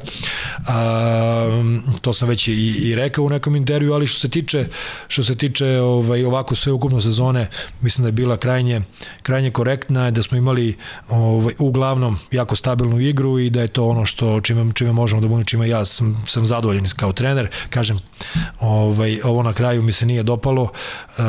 Mislim čudno je dosta bilo tu stvari jer jer jer u Mađarskoj jako rano počinju ti prelazni rokovi Aha. i oni i rano počinju da pregovaraju što se meni uopšte ne sviđa, ali ali to je profesionalni sport, pa na kraju krajeva. Neki, mislim. neki tvoj igrač otišao Ferenc Varoš, ili tako? To, Jest, to je odavno si pojavila da, informacija. Da, Ferenc Varoš, drugi otišao upravo u Vašaš, treći otišao na treću stranu, četvrti otišao tamo i onda da, da. to je ovaj bio je jako velika pauza između uh, odigravanja play-offa i poslednje utakmice uh -huh. u regularnom delu uh, i moram da kažem stvarno da, da Vašaš apsolutno zasluženo i Bobi je stvarno i taktički i u svakom drugom smislu jako dobro pripremio ekipu mm i, i bili smo malte ne bez šansi u, u tom dvomeču, ali opet mislim da to nije ovaj prava slika, ali bože moj, ovaj Vašeš izborio taj taj da kažem to treće mesto koje vodi u kvalifikaciji za ligu šampiona i mislim da sledeće godine, mislim to se već znalo, da će Vašeš imati dobrano bolji tim bolju ekipu, u, da, da, da. Bolji, bolju ekipu u odnosu na Solnog tako da da ovaj ovako i sportski je isto mm -hmm. uh, bolje što što je vaša završena treće mesto. Ništa, Bobi držimo fige da se plasira u ligu šampiona Uvek. pa biće prilike ovaj da se revanširaš kuma ako je to pravi izraz. da. ovaj u nekoj utakmici lige šampiona. E, ajde sad da se da se ovaj dotaknemo onog što je zaista lepo i ti si ostavio zaista neverovatan trag u generalno mađarsko vaterpolo, ne samo u Solnoku, neko si ko je zavredeo i pasoš mađarske države, ti si vratio način da da i govoriš mađarski jezik, da si ovaj neko ko je tamo prihvaća najbolji mogući način, a, a nije lako u Mađarskoj biti prihvaćen kada je vaterpolo u pitanju s obzirom da uh, oni sebe vrednuju mnogo u tom sportu, sa, sa pravom se i vrednuju u generalnom plasmanu, mnogo se ulaže u vaterpolo i zaista milina postiti bilo koji objekat, vaterpolo objekat tamo, jer to, sve to su zaista besprekorni uslovi Ajmo da nam opišeš to što se dešavalo po završetku svetskog prvenstva i e, prvi čovjek kluba koji prijedio oproštaj u tvoje ime, ali se naravno podsjetio onoga tačnije što se dogodilo pre pet godina, eto mogu onako sa ponosom kaže da sam bio i svedo kada je Solnok da. osvojio titulu prvaka Evrope sa tobom, sa Mićem Aleksićem, sa Andrijom Prolinovićem, tu je Janger bio deo Jest. tima, Kruzija, Kruzija, tako, da i dosta sada mađarskih reprezentativaca. Mhm. Uh -huh. Pa, ovaj, da, što se tiče toga i tog prihvatanja, evo moram sad, sad mi je prošlo kroz glavu. Mhm. Uh -huh. Baš na svetskom prvenstvu sam imao neka, nekih par intervjua o, o, vezano za moj boravak 11-godišnji u Mađarskoj i za moje vezano za jel, karijeru igračku i trenersku. I onda mi je novinar uh, postavio sledeće pitanje na, na, na, na svoj način. Uh, parafrazirat ću, kaže, da li si svestan, naravno bio sam svestan i pre nego što mi je postavio to mm -hmm. pitanje, ali kaže, da li si svestan da si ti jedini stranac u 133 godine od kad postoji mađarsko prvenstvo, jedini stranac koji je uspeo da osvoji mađarsko prvenstvo i da sada ako se bude desio, ja se nadam da hoće, uh, da, da to još neko, da, da ćeš ti ostati upisan za neko ko je to prvi put uradio i, i samo to kažu uopšte da si, da si bio tu kao trener i kao igrač, ajde manje više, ali kao trener ovaj, i da si uspeo da, da tu barijeru da je, da kažem... O, Čekaj, o, o, ovo je nevratno, ovo nisam znao. Da. Ti si jedini stranac u istoriji mađarskog vaterpola koji je svoju prvenstvo Tako kao je. trener. Da. Pa, evo, prvi put čujem i hvala ti si podeli kad, kad, kakve informacije. E, sad ja sam to znao i prošle, kad, mm -hmm. kada se to desilo. Ovaj, međutim, sad novinar meni, on potencira Kažem, mm. kakav je to osjećaj? I ja i tek onda, o, o, o, da kažem, osvešćujem to, tu činjenicu mm. u mojoj glavi i kažem, stvarno neverovatno. A, uzimajući u obzir sve to što se ti rekao u uvodu mm -hmm. i u mhm. pitanju, da je Mađarska zemlja vaterpola, da oni, možemo mi da kažemo i ovo i ono, ali oni i te kako drže do vaterpola, i te kako da. drže do toga i te kako poštuju svoj vaterpolo i sport uopšte, ali vaterpolo pogotovo i te kako poštuju nas kao najvećeg onog Rival. arhi, mhm. -huh. arhi rivala, jel? Mhm. -huh. ovaj, jedno, je stvarno jedna činjenica koja, jedan podatak koji je za stvarno nevericu. Yes. Za 133 godine ovaj, upravo sam ja prvi koji je, koji je uspeo to tako nešto da uradi ja se stvarno nadam da će biti ovaj, u budućnosti takvih primjera, ali što kaže taj novinar, neće biti još jedan. To je to. Ti si prvi koji se upisao, pa sad ko bude drugi, bit će drugi. Da. Ali je prvi, ovaj, tako da je to podatak koji govori dovoljno... Pazi, sramota me što sam bio nespreman za ovo. O, o, o, ovo je, mnogo ti hvala si podelio. O, ovo je neverovatno stvarno podatak. Tako da, tako da eto, iz tog razloga i gledajući uh -huh. kroz, mhm. istu, kroz tu prizmu, stvarno neverovatno. Ovaj, da. Stvarno neverovatno. Sad kad gledam unazad šta se sve desilo u Solnoku i uh, moment kada ja dolazim tamo, kad je to bazen pod mali bazenčić pod balonom, kada sve to izgleda više nego skromno i, i za, zauzimam šesto mesto te prve godine, mm -hmm. pa onda ceo taj put ovaj, tog kluba i, i, i, i da kažem rast i, i, i dolazak do nivoa da, da smo u Mađarskoj bili 3-4 godine neprikosnoveni, da smo osvojili čak i, i, i titulu prvaka Evrope. Pa dobro, ajde da, da budemo, izvini što te prekidam, ali ti si prosto taj koji je negdje otvorio vrata uh, srpskim igračima u dobroj da. meri, jer ti si neki, ajde da kažem, jedan od tih pionira koji je, da. Koji je otišao u Mađarsku, uh, koji je uh, ostavio takav trag da da je postalo normalno za, za, za mađarski vatepolo da regrutuje igrače, da regrutuje igrače iz Srbije i, i sigurno si imao uticaj, ajde, Sigur. ti će da budeš skroman na dolaske. Krajnji slučaj Andrija Prelinovića i, i Mića Aleksića koji su onako bili tvoji saborci na tom putu za osvajanje titule prvaka Evrope. Da, da, pa do Mića Aleksić je već, evo ja sam došao, pre, uh, moram da kažem, Bane Mitrović, čak Bane Mitrović je do, pre mene godinu pre dana tebe, da. otišao, da. da. Uh, I, I Gojko je čak bio te, te ja mislim, moje prve godine. Međutim, mm -hmm. Gojko je upravo otišao u Ferenc Varoš i oni su jako brzo negde septembru to proglasili ono bankrot da nemaju šta mm -hmm. i onda je mhm. Gojko bio prinuđen da menja sredinu. Mm -hmm. Ali možda bi mogli drugačije da se to odigra da, je, da, da. da, da nije došao od toga.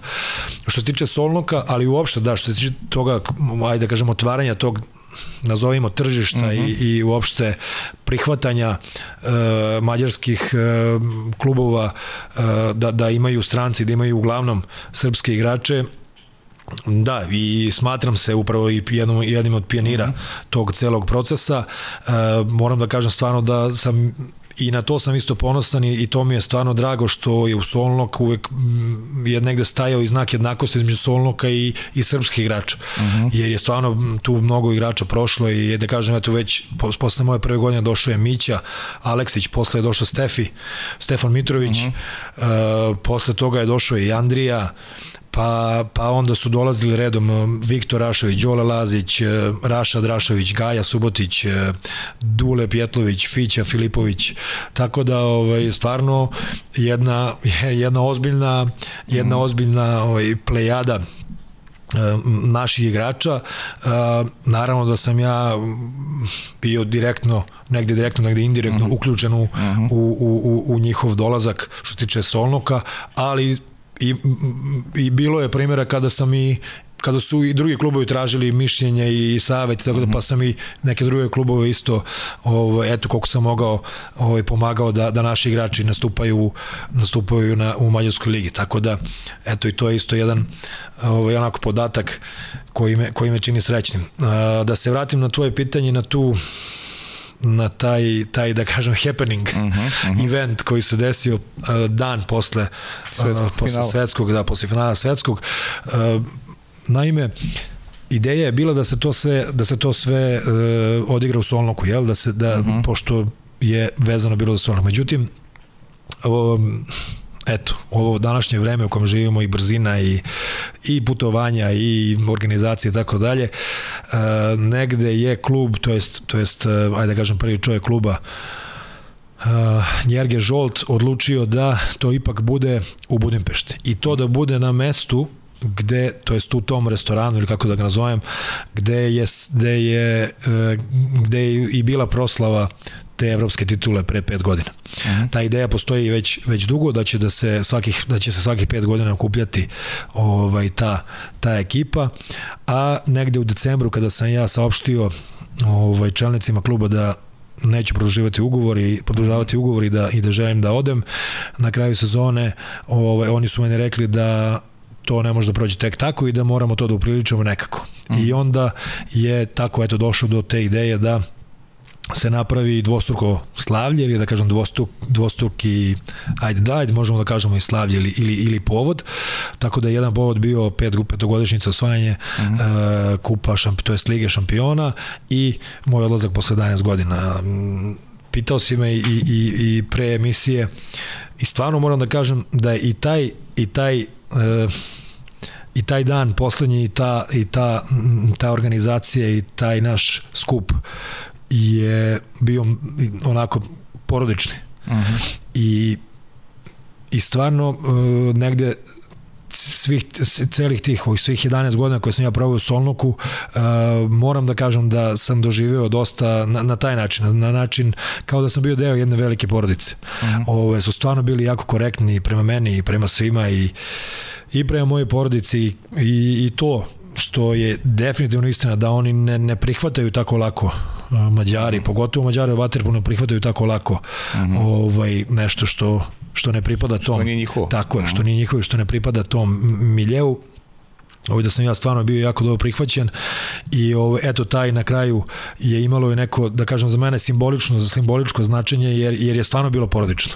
Tu su bili dragi ljudi, tu su bili moji prijatelji, e, igrači s kojima sam igrao zajedno, kasnije sam im bio trener. E, stvarno nije to bilo ništa spektakularno, opet je bilo za mene nabijeno emocijama, e, čak jel, predsednik je, to je prvi čovjek kluba je održao taj neki uvodni govor, pa je onda tadašnji trener Češanji ovaj, je isto ovaj, se zahvalio i sad ne znam ja čestitao i tako dalje i tako dalje i onda je došao red na mene da kažem par, par reči i ja stvarno nisam bio ovaj, nisam bio potpuno pri sebi i nisam bio u stanju da govorim više od minuta, jer e, sam, samo sam uspeo da kažem da se zahvaljujem na svemu i da nikada neću zaboraviti svoj i to je to. Nisam mogao više da ovaj, emocije su, jer su emocije da stvarno bile jake. Jer je stvarno ozbiljan, ozbiljan deo mog života. Mm. Ne samo karijere, nego nego mog života, s obzirom da imam 40 godina, nemam još, ali ću uskoro napuniti. Mm.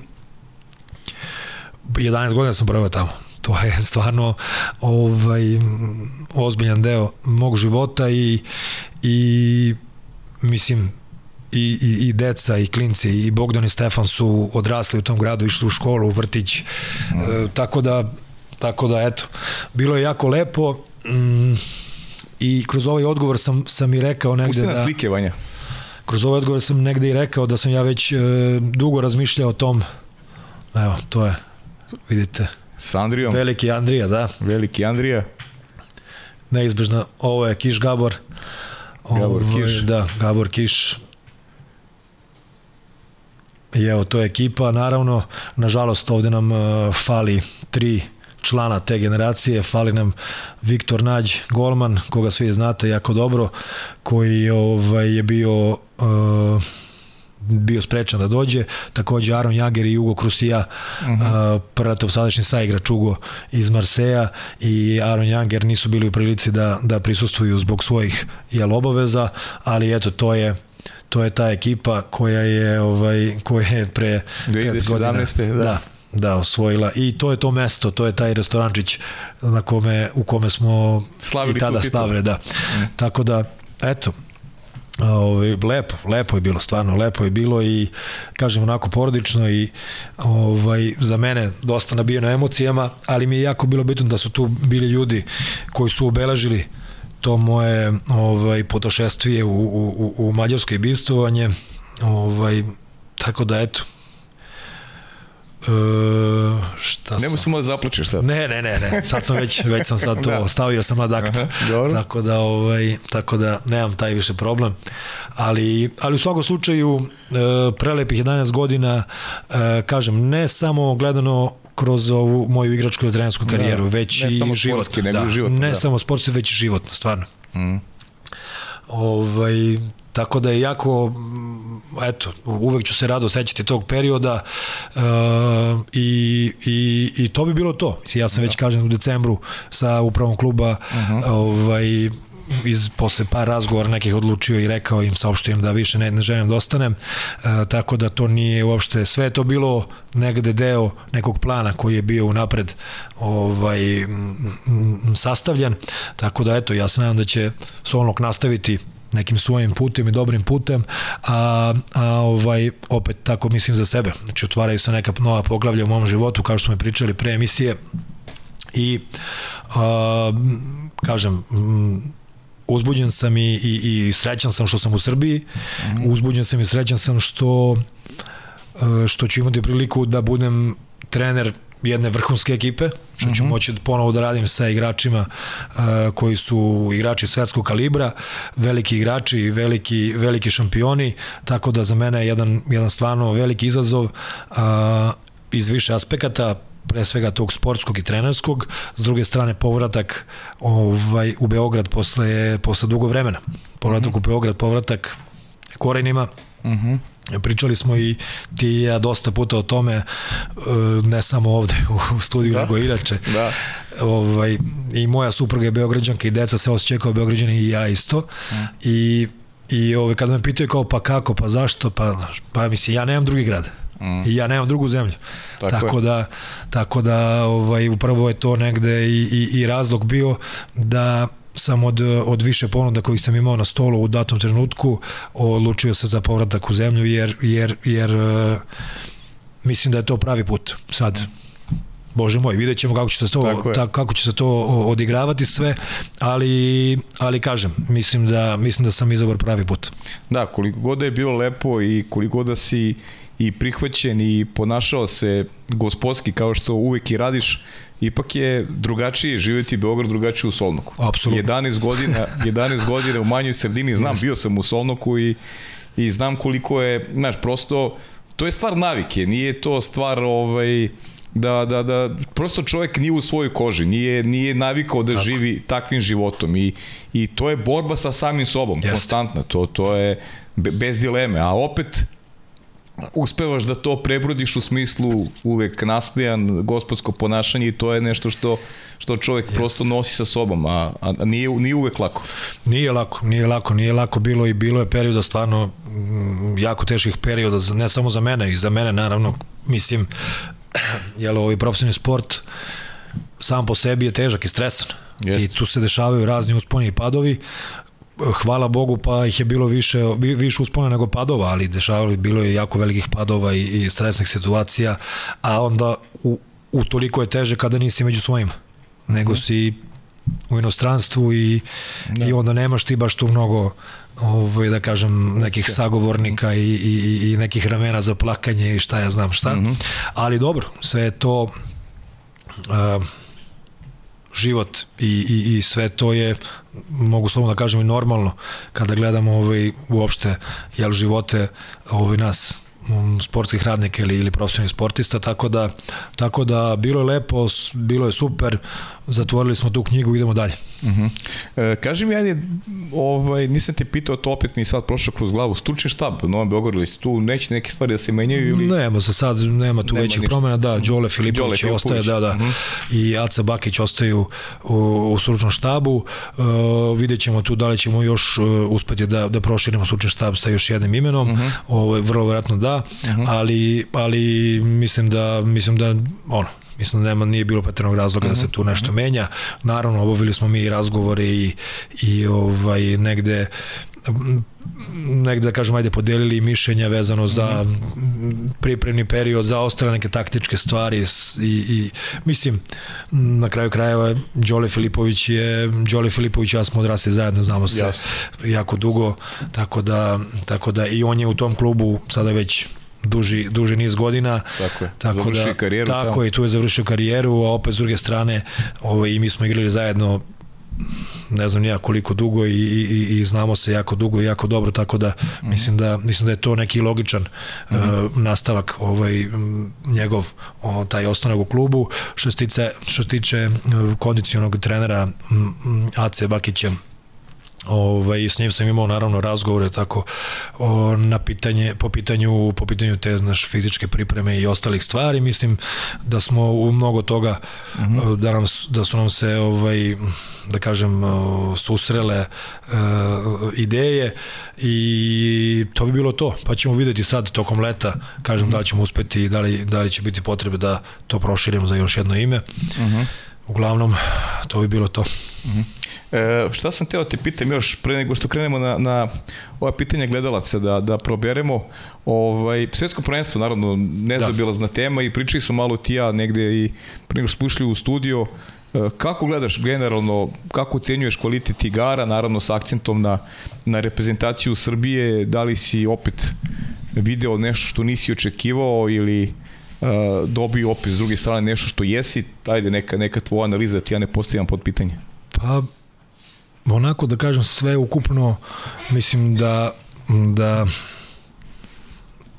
ne samo ja, nego da je u suštini e, se videlo ono što se donekli očekivalo. Naravno, e, gledajući to iz aspekta našeg srpskog i naše reprezentacije, ne možemo da kažemo da smo zadovoljni sa petim mestom, jel? jer, jer, jer ovaj, ne bi bilo normalno. A s druge strane, e, s obzirom na, na, na pretrpljenje te promene i na odlazak velikog broja igrača na smenu generacija, uh, opet, opet je došlo do toga da si ti imao tu jednu utakmicu, jednu utakmicu koju su odigrao ajde da kažem malo lošije protiv Hrvatske, da si je odigrao malo bolje, opet si mogao da budeš u četiri vrlo lako i da, i da prođeš čak i u finale, tako da, tako da ovaj, mislim da je, da je s te strane mogu da kažem očekivano ono što smo prikazali. Naravno, mislim sad opet da se vratimo na ono na ono na te Italijane i na te i na te Špance. Uh -huh. Ovaj naša reprezentacija, gro naših igrača, gro igrača koji nose sada ovu, ovu i, i pod znacima navoda novu, novu reprezentaciju su igrači koji su imali blizu 80 utakmica do početka svetskog prvenstva. Imali su Final Eight svetske uh, Final Eight uh, Lige šampiona uh, hajde kažem nepun mesec dana pre ovaj početka svetskog prvenstva tako da je to bio neki dodatni uh, dodatno težavajuća okolnost za selektora Savića i za stručni štab da oni to pripreme sve kako treba. Uh, ne kažem da tu da je tu bilo bilo kakvih problema, ali kažem stvarno uh, jako je veliko opterećenje i fizičko i potrošnja i i, i mentalno. Tako da tako da eto nije nije nije bilo lako ni momcima stvarno. Uh, s druge strane ono što je, opet što se tiče što se tiče direktno naše mm, naše ekipe, naše reprezentacije, mislim ovaj ti igrači svi to je već već ajde to se čulo već hiljadu puta. Mm -hmm. Svi su oni iako nisu imali ne, e, možda uloge kakve danas imaju reprezentacije, svi su oni jako jako dugo u sistemu rada e, vaterpolo reprezentacije i u sistemu rada Dejana Savića koji koji to radi na stvarno na, na mislim šta da pričam Da, mislim, jasno. da pričamo o Dekiju, ja sad kako imam dobar trener, mislim da je potpuno ovaj, ne stoji, uh, ali, ali, ali definitivno da su ti svi igrači već dugo u tom sistemu rada mhm. reprezentacije, mm -hmm. postoji realno opterećenje mentalno kod, kod, kod, kod nekolicina naših igrača koji ovaj, sada preuzimaju neke uloge koje nisu imali do sada. Mhm. Mm što isto trebamo da uzmemo u obzir. Mm -hmm. ovaj, I to je nešto sa čime će morati da se bore u narednom periodu. Znači, e, nije lako kada iz reprezentacije odu kada, kada se desi smena generacije i kada odu igrače koji su odišli, naravno da od toga ne treba sad praviti ne znam nija šta, mi imamo reprezentaciju, imamo igrače, imamo kvalitetne igrače koji mogu da iznesu taj teret na svojim leđima, naravno uh, uz fenomenalan rad uh, i, i sve ostalo što krasi Dejana Savić i njegov stručni štab, ali neće biti lako da se te uloge ponovo prihvate i da se, to jest ne ponovo, nego da se te nove uloge prihvate, da se mhm. tu, o, za to je potrebno vreme.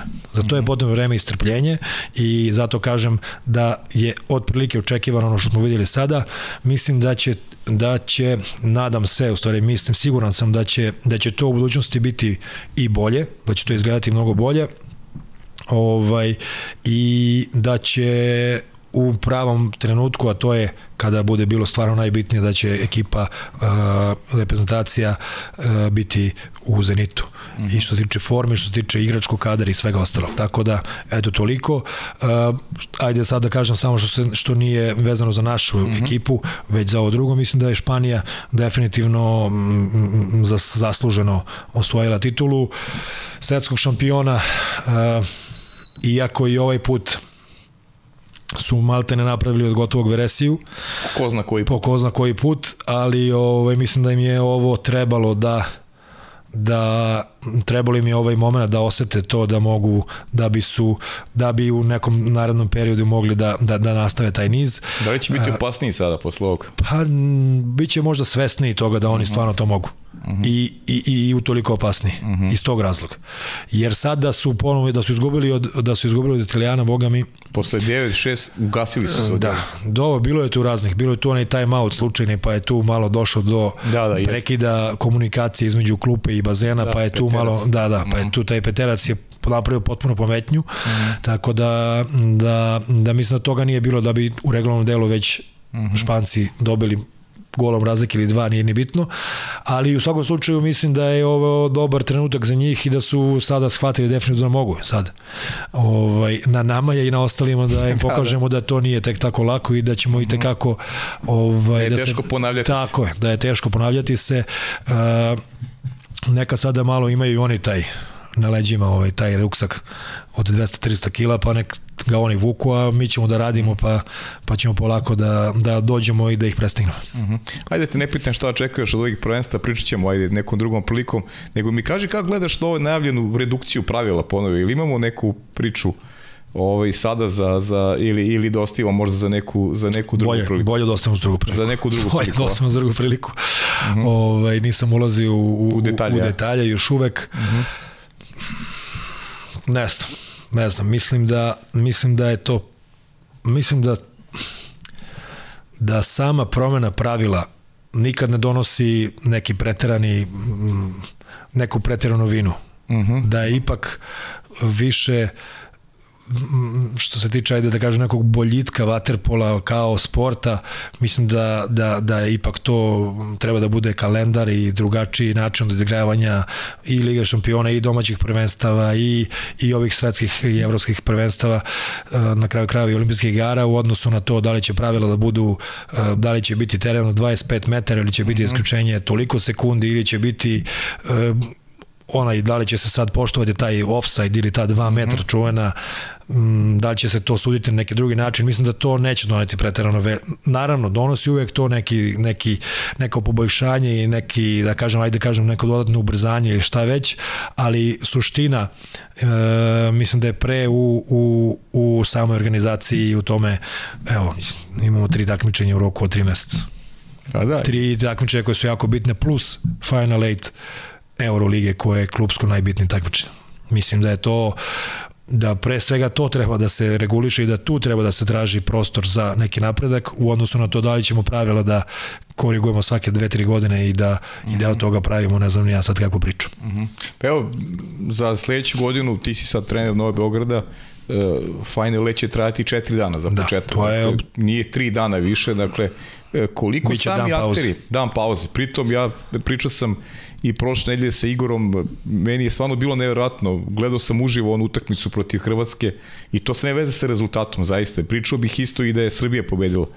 4 sata popodne, temperature 40 stepeni, 100 ljudi na tribinama koji se kriju od sunca, koji nemaju koncentraciju, gledaju utakmicu. Da. Vi najbolje znate kako u bazenu, sad laički gledano, svi smatramo da je lakše igračima, s obzirom da su u bazenu, pa kao voda je to, ali opet igraš uslovima koji su neverovatni. Da ne pričamo o onom meču od 13 sati koji je odigran.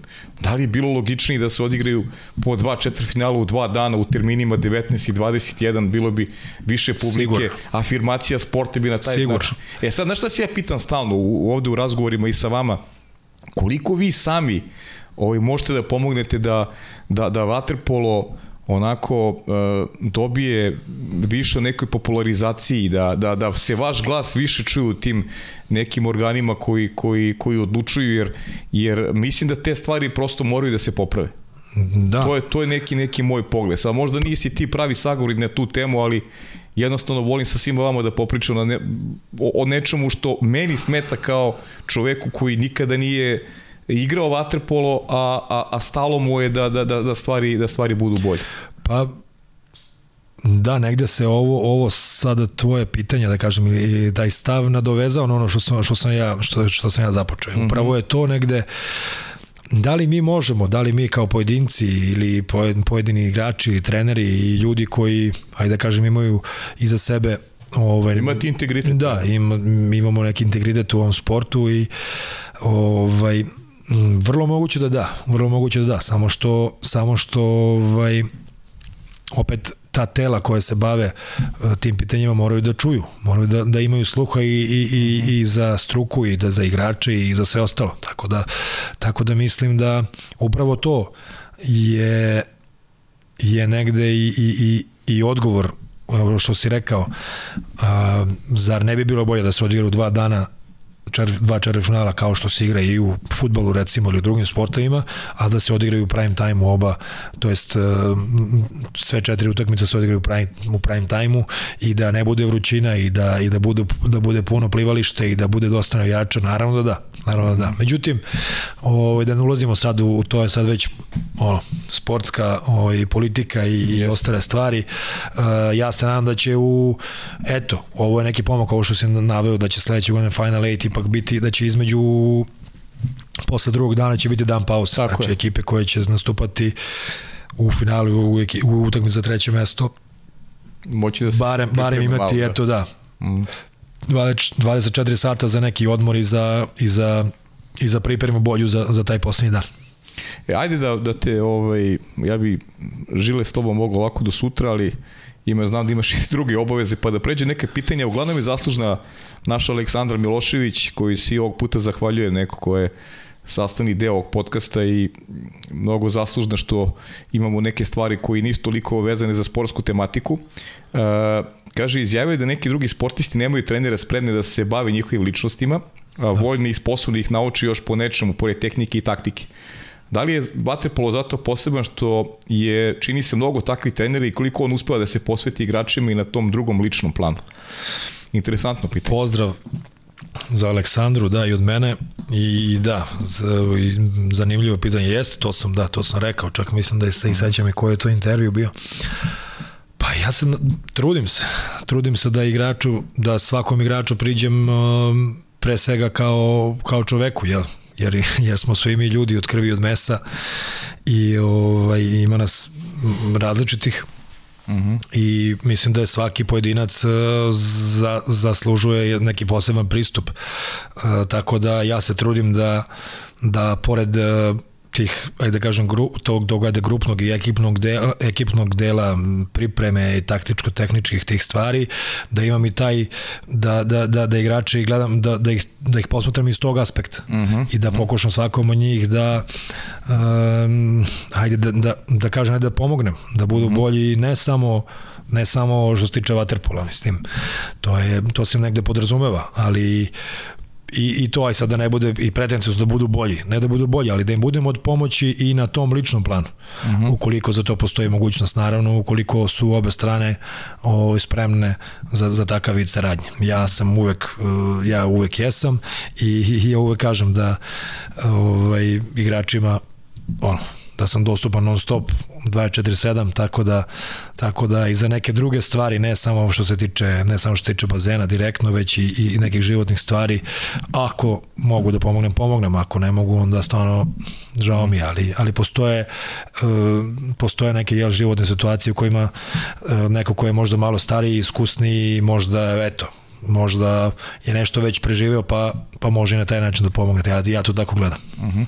Pričao si i u prošloj misiji koliko voliš duh Beograda. E, sada da. si se vratio u rodni grad, pa koliko ti se Beograd promenio? E, sada provodiš konstantno vreme, ono, ranije si dolazio tokom leta, pa opet tu je i neko more, odeš neki odmor, pa uh, nisi toliko intenzivno. Koliko ti se promenio u odnosu na, na, na neki period kad si, kad si bio ovaj, redovan u, u rodnom gradu?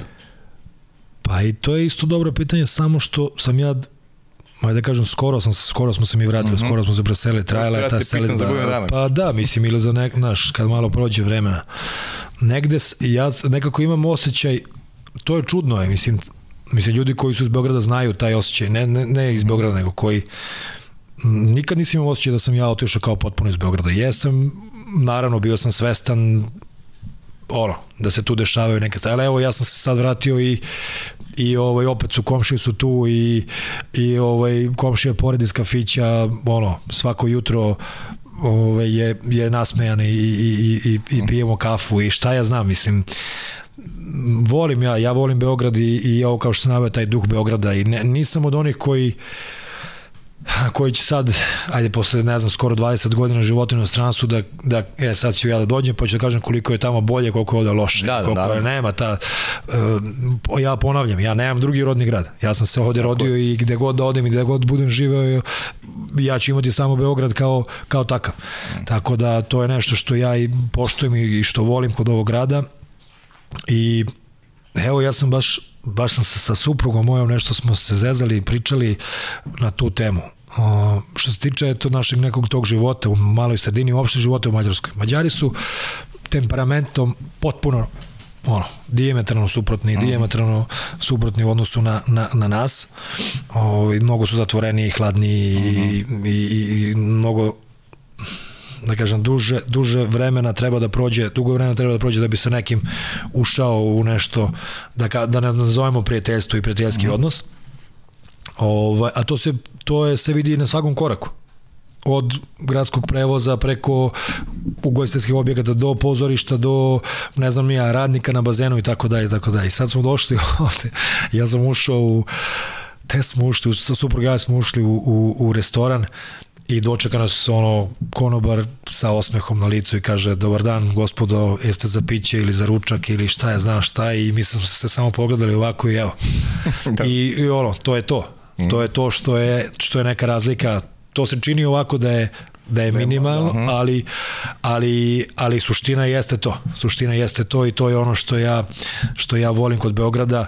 Naravno da ne ispadne sad da samo da se radi o tim ugostinskim objektima, iako sam redovan gost, ali, ali, ali ima tu mnogo stvari koje, koje ja volim kod ovog grada. Mislim, eto, živjeli smo u malom gradu gde ima samo jedno pozorište.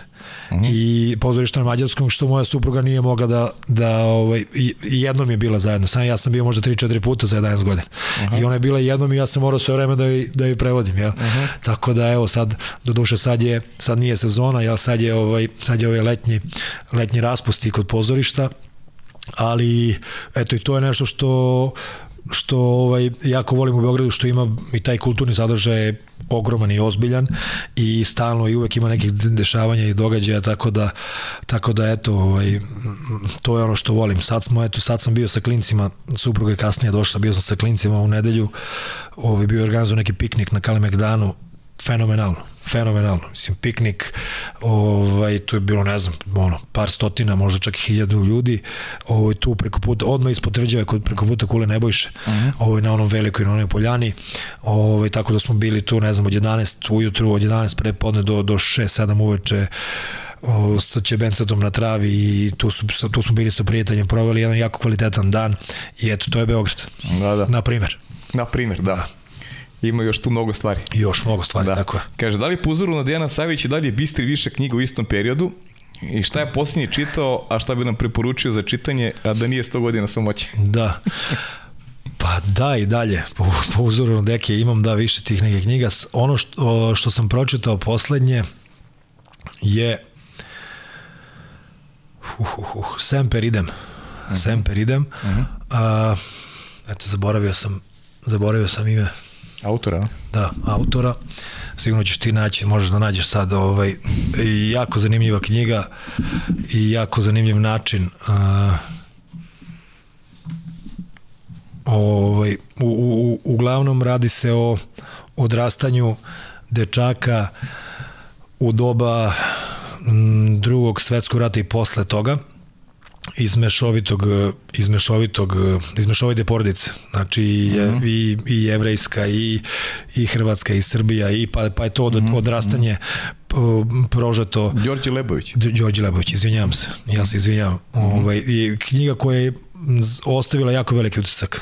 Mm -hmm. ovaj, tako da mi ona pa sad na sad sam završio recimo pre 15-20 dana o, ovaj, i jako zanimljiva knjiga i, i, i eto i ona govori o tom nekom periodu uh, za vreme, između dva rata i za vreme, za vreme drugog svetskog rata i posle toga i odrastanje, uh, odrastanje tog momka uh, kroz uh, kažem kroz tu prizmu tih mešovitih mm -hmm. što, ovaj porodica što je ovde za naš ovaj za naš um, ovaj ovde deo milje da da jako jako ovaj učestalo tako da eto to je nešto sam što je poslednje što je jako veliki uticaj ostavilo na, na onako jako jak utisak ostavilo na mene. Mhm. Uh -huh. uh, I ono što sam pročitao pre toga a što je vezano ovako malo i za sport, to pročitao sam ovaj Klopovu A, aha, da, Debian. Da, to je pročitao. Nis, iskreno nisam. Ovaj, pročitao sam to, tako zanimalo me, on mi je onako jedan opečatljiv lik Ovaj, tako, da, tako da i to isto neko zanimljivo štivo. Ima, ima raznih stvari da se, da se vidi i da se, i da se nauči iz toga. Ja navijam za Juventus, pa onda ovaj, Dobro, ne, mislim, mor, složit ćeš se da je on... Pa naravno, šalim da je, se, naravno. Da je onako zanimljiv jedan tip. I, šalim se. Mm. Ovaj, eto, harizmatičan je tip, jako. Jest, kako nije, kako nije. Pa ceo proces njegov, da. Eh, kako da. je počeo, odakle je krenuo, to, sve to. Mainz i tako dalje i tako dalje. Da jedan uspon ozbiljan. Jeste, jeste, mm. jeste. E, kaže, s obzirom da dok je bio igrač nije volio da pliva, imali kao trener razumevanje za one koji su sad u bazenu i zadeli teške plivačke treninge? Nemam razumevanje. Nemaš razumevanje, ne. Šalim se, pa naravno da imam.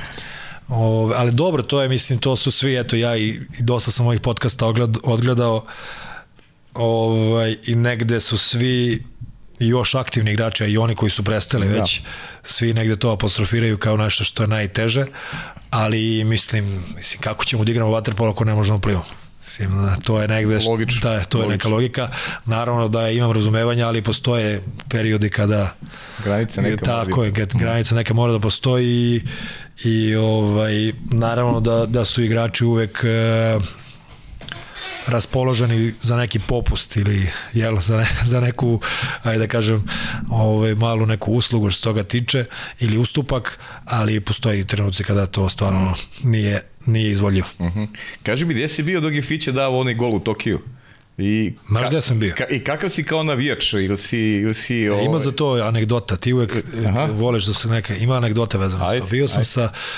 Bili smo na odmoru, uh mhm. -huh. supruga i ja sa našim kumovima Čakićima ovaj, i bili smo kod njih u selu Kričke, što je pored Knina. Uh -huh. Ovaj, prvi put smo bili tamo kod njih i tu smo gledali u Kričkama, ovaj, u Hrvatskoj. Uh -huh. I ono, naboj veliki, emotivni, mislim, s, ne, Da, da, u Kričkama smo bili, tako uh -huh. je. -huh. ovaj, i, I gledali smo to zajedno sa kumovima i tako, eto, to sam preživljavao na neki svoj način. E, naravno da ne gledam samo i kao navijač, ali u tom mislim da sam, da sam pogotovo te poslednje dve utakmice bio više navijač nego trener. Uh -huh. To mogu da, da, ovaj, da potvrdim. Uh -huh. I kako se završila utakmica? Tu je bilo čestitanje, veliko slavlje, je tako? Ovaj, zvoni mi telefon, Zoran Cvijanović. Uh -huh. Cvija. Cvija. Uh -huh. Kaže, jel vidiš, brate? Da kažem, pa vidim. Pa jel vidiš, brate, kako je meni sve ove godine? Jel vidiš koliko je meni teško stvari sve ove godine? Sjajno. Jel vidiš? Ja kažem, vidim, svaka ti čast. Svaka ti čast kako si izdržao sve to. Tako da, eto, to je vezano za... I jako kratko smo pričali za, za minut, dva. Ovaj, lepo se pozdravili i čestitali jedan drugom, ono, uzajemne čestitke i to je bio prvo. Znači, taj, nije rekao ni zdravo, nego jel vidiš, brate, kako je meni teško sve ove godine? Da, znaš da sve ovi, svih ovih, o, ovaj period kako traje podcast, razmišljam da, da jednom ciju i pozovemo, ovaj, da, da, neko, da neku iz ugla, iz ugla neko ko je veliki navijač ovaj, vaterpola, da, da ovaj da on ispriča kako preživljava te neke trenutke upravo to. Eto, to je da. prvi poziv koji sam dobio, Cvije. Mm. I taj, taj njegova, ovaj, to njegovo pitanje, jel vidiš? Mm -hmm. Pa vidim, nije lako, nije lako. nije lako, da. Nije lako, da. Sjajno. E, naravno, nema šta da dodamo tu, znači Tokio si kao, kao os, uh, Rio si osvojio kao kapiten, a živeo si to sa njima i kao... Kako da ne, mislim, kako da kao ne, navijač. mislim, uh, i kao navijač i, i, i ono što je zanimljivo, da sam ja imao te predolimpijske sezone su meni bili u klubu dosta olimpijskih kandidata, bili su kod mene u klubu Fića, uh, Dule Pjetlović i Raša Drašović koji nažalost nije, nije mislim nažalost, nije izborio mesto u ekipi. Da. Ova, I isto, boga mi, 5-6 mađarskih reprezentativaca mm -hmm. su isto bili, ovaj, nisu svi oni otišli, njih dvoje na kraju bilo, ali je bilo dosta na širnom spisku. Tako da iz, te, iz tog aspekta isto sam gledao iz, kroz tu, kroz tu ovaj, mm, iz tog ugla sam, sam posmatrao same olimpijske igre i uopšte pripremni period i sve to. I da, preživljavao sam dosta, stvarno sam preživljavao dosta i nije, nije lako stvarno nije lako cvi, nije lako uopšte, ovaj, kad se gleda s ove strane, naravno mnogo teže nego, nego njima tamo što igraju, mislim, to oni samo dođu, igraju i a mi se mučimo pored ekrana ili, ili na da. klupi. A ne, neverovatan uspeh stvarno, mislim, mora mi, mora mi to isto je ispričana priča i, i, i svi su rekli svoje mišljenje o tom, ali stvarno jedan, jedan ogroman uspeh i dokaz da šampioni ne, nikad ne odustaju. Uh mhm. -huh. jer, jer možemo da kažemo sad da je tu Španija bila možda i bliža pobedi i da kroz ceo taj olimpijski turnir uopšte uopšte ceo taj olimpijski ciklus ovaj, do tu olimpijadu jel, između uh mhm. -huh. te četiri godine, to je ovo je bilo pet da su ona, oni bili možda i prikazali stabilnije igre od nas i šta ja znam da je tu bilo možda neki drugih favorita, ali, ali taj mentalitet i ta stabilnost i ta snaga pre svega mentalno, onda sve, sva ova druga je, je neverovatna kako je naša ekipa pokazala i taj Filipov go koji postiže ovaj, u tom trenutku je u stvari, u stvari dokaz i pečat na sve to što je, što je ta ekipa i ta generacija radila skoro i deceniju uh mhm. -huh. ovaj, unazad, tako da mm, neverovatan uspeh i, i, i ja sam mnogo srećen i ponosan što što, što sam bio deo toga. Uh -huh. e, pričao si da, da, da vratiš šemu nazad, da u reprezentaciji ne bi ništa menjao. Da li i dalje e, si ovaj, tog stanovišta ili, ili se nešto promenilo u tvojoj glavi? Nije? Ne, ne. Mislim da mislim da će ne, da se nikad neće ni neće promeniti. promeniti, ja. Možda, nikad ne reca nikad, možda ću nek, ovaj, negde vremenom doći do nekih drugih saznanja i i možda imate neke druge ideje, ali mislim da je sve to kako je izgledalo dok sam ja igrao i, i, i to vreme koje sam proveo u reprezentaciji o, sve je imalo smisla, mm -hmm. velikog smisla. Mm -hmm. uh, I tačno si rekao da kad sportista završi profesionalnu karijeru, žene stupaju na scenu? Da. O, ili, da. ili, ili tako i sad kad si postao trener ili... Jeste. Jeste, a? Jeste, pa kako nije. Znači, nije. Mislim, žene imaju veliki udeo i za vreme trajanja Dobro. sportske karijere, a što se tiče ovoga, kada završimo karijeru, onda, onda taj njihov ovaj, uticaj i stabilnost u stvari i negde bude i, i jači u odnosu na, na ovaj naš jači pol, mm -hmm. a mhm. to je malo i, i šala ovaj, zanimljivo je pitanje i malo šale ja sa, sa, sa Svetlanom, ovaj, sa mojom suprugom dosta često šaljem na tu temu. Uh mhm. -huh. Da sam ja radio, da sam svoje odradio. Sad uh mhm. -huh. treba na, na scenu da stupe i, uh -huh. ovaj, i ta uh -huh. lepša polovina i da ona treba malo više da potegne, naravno sve to u šali, ali, ali, ovaj, ali ima istine. Da. Uh, šalu na stranu, ono što jeste istina jeste da To sam rekao i prošli put ovde u podcastu. Pa to ono da, si pričao, ono Bogdana kad si vodio u obdanište, pa Da. odeš, na, odeš nemate mesec da, dana. Da, da, da. I da je to u stvari da, da, da se tu vidi na, recimo eto kroz taj primer da koliko su stvari naše supruge uh -huh. heroji, koliko one podno, po tereta podnose za vreme trajanja naših e, igračkih odnosno kasnije trenerskih ovaj e, karijera i izazova. Tako da i dalje stojim pri tom stavu Uh -huh. A kad su već kod Bogdana i kod Stefana, uh, ili se oni, pričao si mi ono ranije da Bogdan ima afiniteta ono, u solnoku, da voli da, da. skoči u bazen i tako dalje. Kako sada stoje stvari? Šta se promenilo u odnosu na taj period? Pa promenilo se to da je on počeo umeđu vremenu da trenira i košarku. To jest nije umeđu vremenu, mm -hmm. nego on uporedo trenirao dva sporta. Mm -hmm. Ove, ovaj, jer solnok recimo eto i za to bio fantastičan, s obzirom da on ono, krene, on je ujutro išao u školu, a popodne imao te van školske aktivnosti. I on je tri puta nedeljno išao na vaterpolo i tri puta na dva ili tri puta nedeljno košarku. Mm -hmm. Promena je da on sada trenutno je na, više okrenut prema, prema košarci i prema, mm -hmm. prema igre mm -hmm. među obručima, to jest pod obručima, tako da, eto, mislim, ja stvarno ne želim da, da što se mene tiče može da trenira šta god, samo da. mora da se bavi sportom.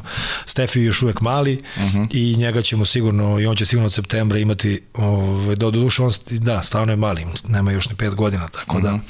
tako da ovaj, i on pokazuje neke afinitete prema lopti. Uh mhm. -huh to ćemo da vidimo kako vreme bude pro, pro, prolazilo, a eto, pro, razlika je u odnosu na taj, na to prošlo gostovanje što je Bogdan isto krenuo na košarku, između ostalog i, i ovaj, dosta onako, mogu da kažem, naginje na tu stranu.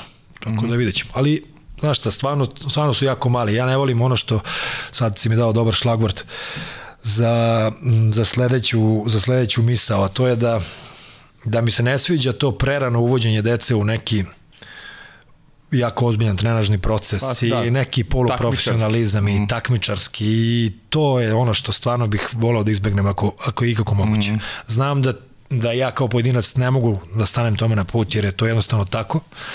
Veliku ulogu u tome igra i, i o, igraju te članarine i to jel što roditelji to finansiraju mm. i onda svako to ima pravo pod navodnicima da pita nešto i da, i da, da nešto da. kaže i da nešto sugeriše. A s druge strane mislim da bi do 14. godine deca trebalo da se igraju. Tako je. Da bi deca trebalo da, da se igraju i da kroz igru uh, dolaze do trenutka gde zavole sport određeni. Mm -hmm. Da li će to da bude sport u vodi, na suvom, da li će to da bude futbal, košarka, da im, hokej. Da im se to ne nameće. Tako nego. je, da im se to ne nameće kao neko moranje, da im se to ne nameće kao neko takmičenje, jer će deca uh, koja počnu se takmiče sa 12 godina i da imaju veliki stres i da imaju poraze e, i pobede i da im to bude jako bitno sa 12 godina, sa 20 godina već dolaze do premora. Da. Ugasit se. I onda je to nešto što je loše. Tako da se ja, ja sam pobornik toga da se to što da je to da to bude samo isključivo igra uz primese jel, nekih tehničkih detalja i nekih vežbica koje naravno će da kasnije to dete oblikuju u nekog sportistu u određenom, u određenom sportu. Mm -hmm. Ali da uglavnom to, da, to sve prođe kroz igru bez većeg stresa i bez većeg obraćanja, bez većeg obraćanja, pa, bez obraćanja pažnje na rezultat i na, tu, na taj rezultat kad se znače, jer jer dete ako eto, desi se u nekom kolektivu koji ne može da bude jednostavno iz nekih razloga da je u drugom kolektivu ima boljih dečaka ili devojčica i stalno gube utakmice, kako će on ko su hiljadu puta izgubio u karijeri, mm. gde će, zbog čega će onda nastaviti da se bavi tim. Tako da, eto, ja se, mislim u karijeri, da me ne stavite pogrešno, ne u karijeri, već u tom nekom trenažnom procesu. Mm -hmm. Tako da, eto, dok sam mišljenja. Da, uh, uf, ima mnogo pitanja, ima. Uh, put do zlata u Riju, aj nećemo još mnogo, desetak minuta još, a? Ok. Može da, posle. Da. Još desetak minuta, ajde. E, put do put do Rija.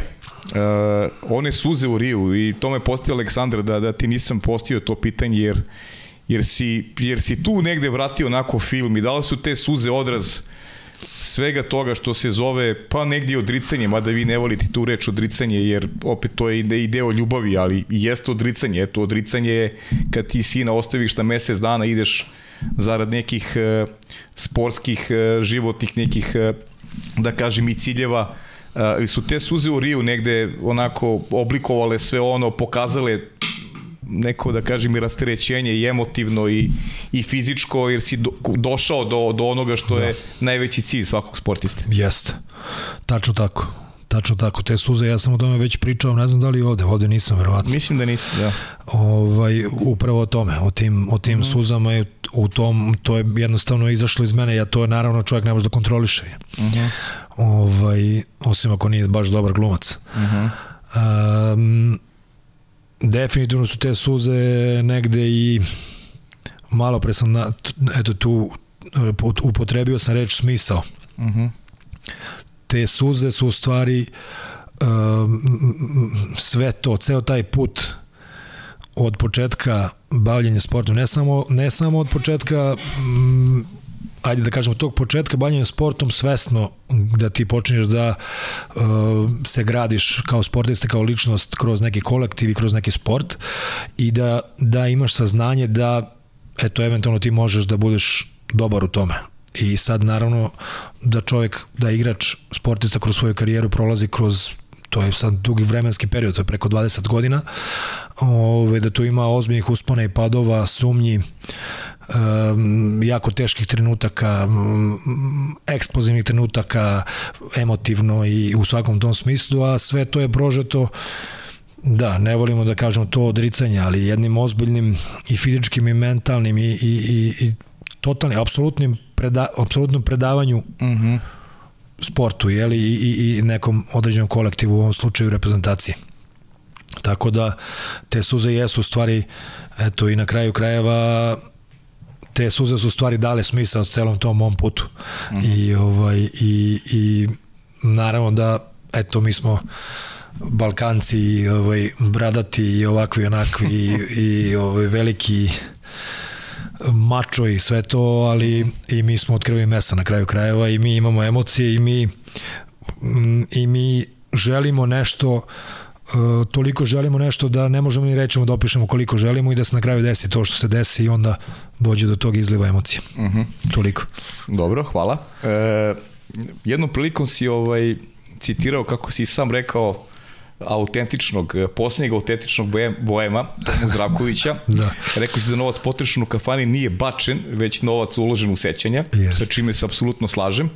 Eh, da li si pogledao eh, film o Tomi i ovaj, da li imaš neku upečatljivo sećanje ovaj, koje, bi, koje bi podelio sa nama?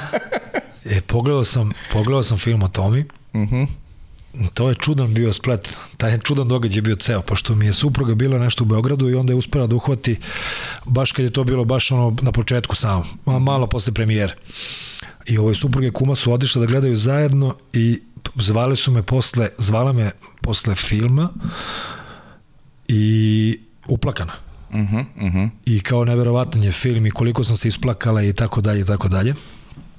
I ono što sam ja video tom filmu mm, ajde naravno mislim sad da ne ulazim u, u neću da ulazim u neku analizu s obzirom da, da mi to nije branša ali stvarno film koji je koji je jako, jako nabijen emocijama. Uh -huh. Znači, stvarno, stvarno je film koji, koji izaziva kod čoveka, pogotovo kod nekog ko, ja da kažem, pošto, poštovalac slika i dela ovaj, Tome Zdravkovića, Mm, stvarno, stvarno ima puno emocije, ima, ima dosta trenutaka u filmu gde čovjek ono, možda da se suzdržava, da ne zaplače. Uh mhm. -huh. Iako, e, naravno, znam da dosta tih stvari, dosta tih događaja koji su, koji su prikazani u filmu nemaju baš pretredno mnogo veze sa njegovim životom zaista, ali, ali ovaj, u svakom slučaju da, jako emotivno sam, sam ovaj, gledao taj film i, i onako od početka do kraja je to negde moj osjećaj da da je stvarno onako nabijeno emocijama i da da ovaj svaki deo da je to da je to Bjelogrlić uradio stvarno na sebi svojstven način.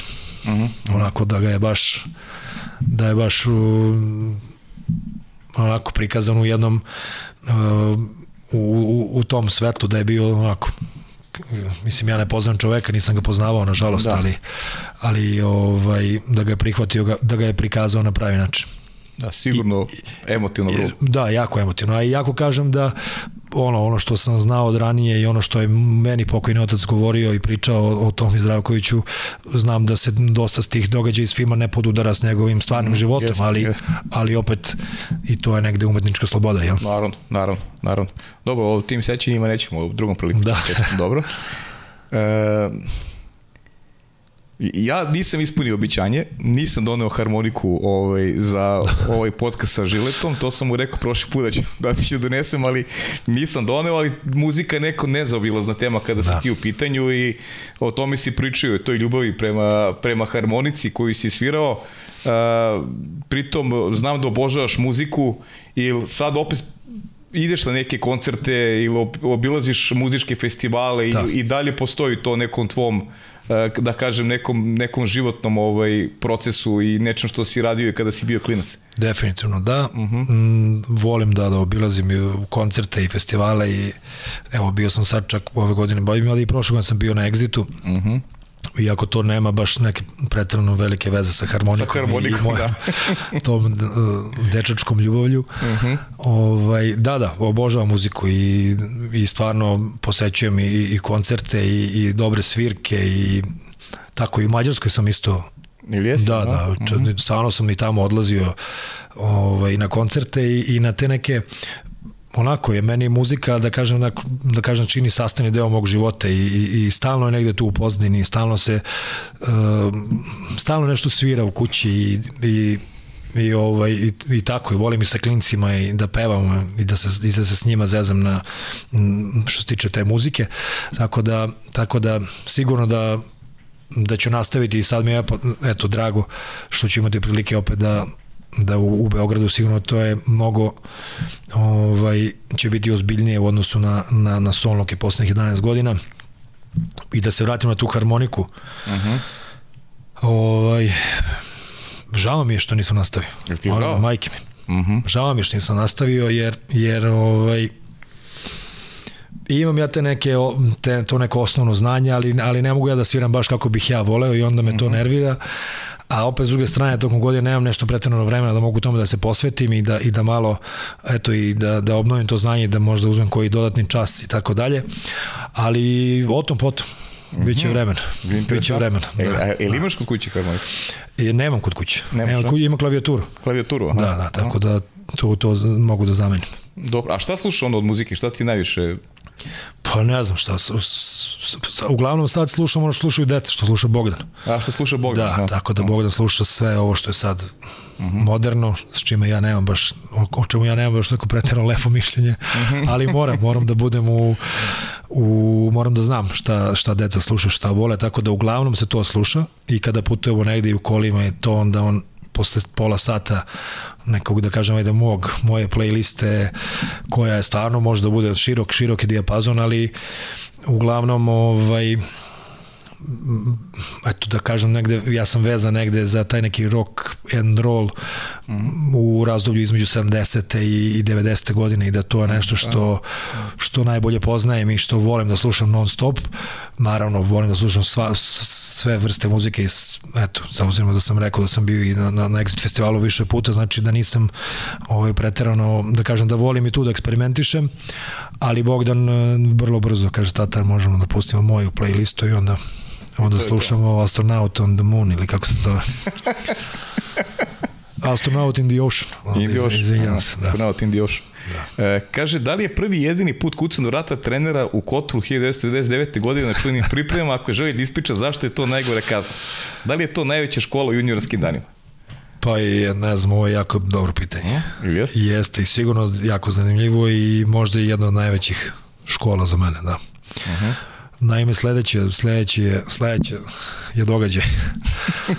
Nenad Vasilevski Kole je bio, Nenad Manojlović pokojni uh mhm. -huh. je bio selektor, a Nenad Vasilevski je bio pomoćni trener. I završio se trening jedan, ja sam imao, bio sam maloletan, 17 godina sam imao, trebalo je, to je bilo bombardovanje. Uh mhm. -huh. Malo posle bombardovanja. Mislim da možda, jeste, bilo malo, kako se 9. jula je završeno bombardovanje, jest.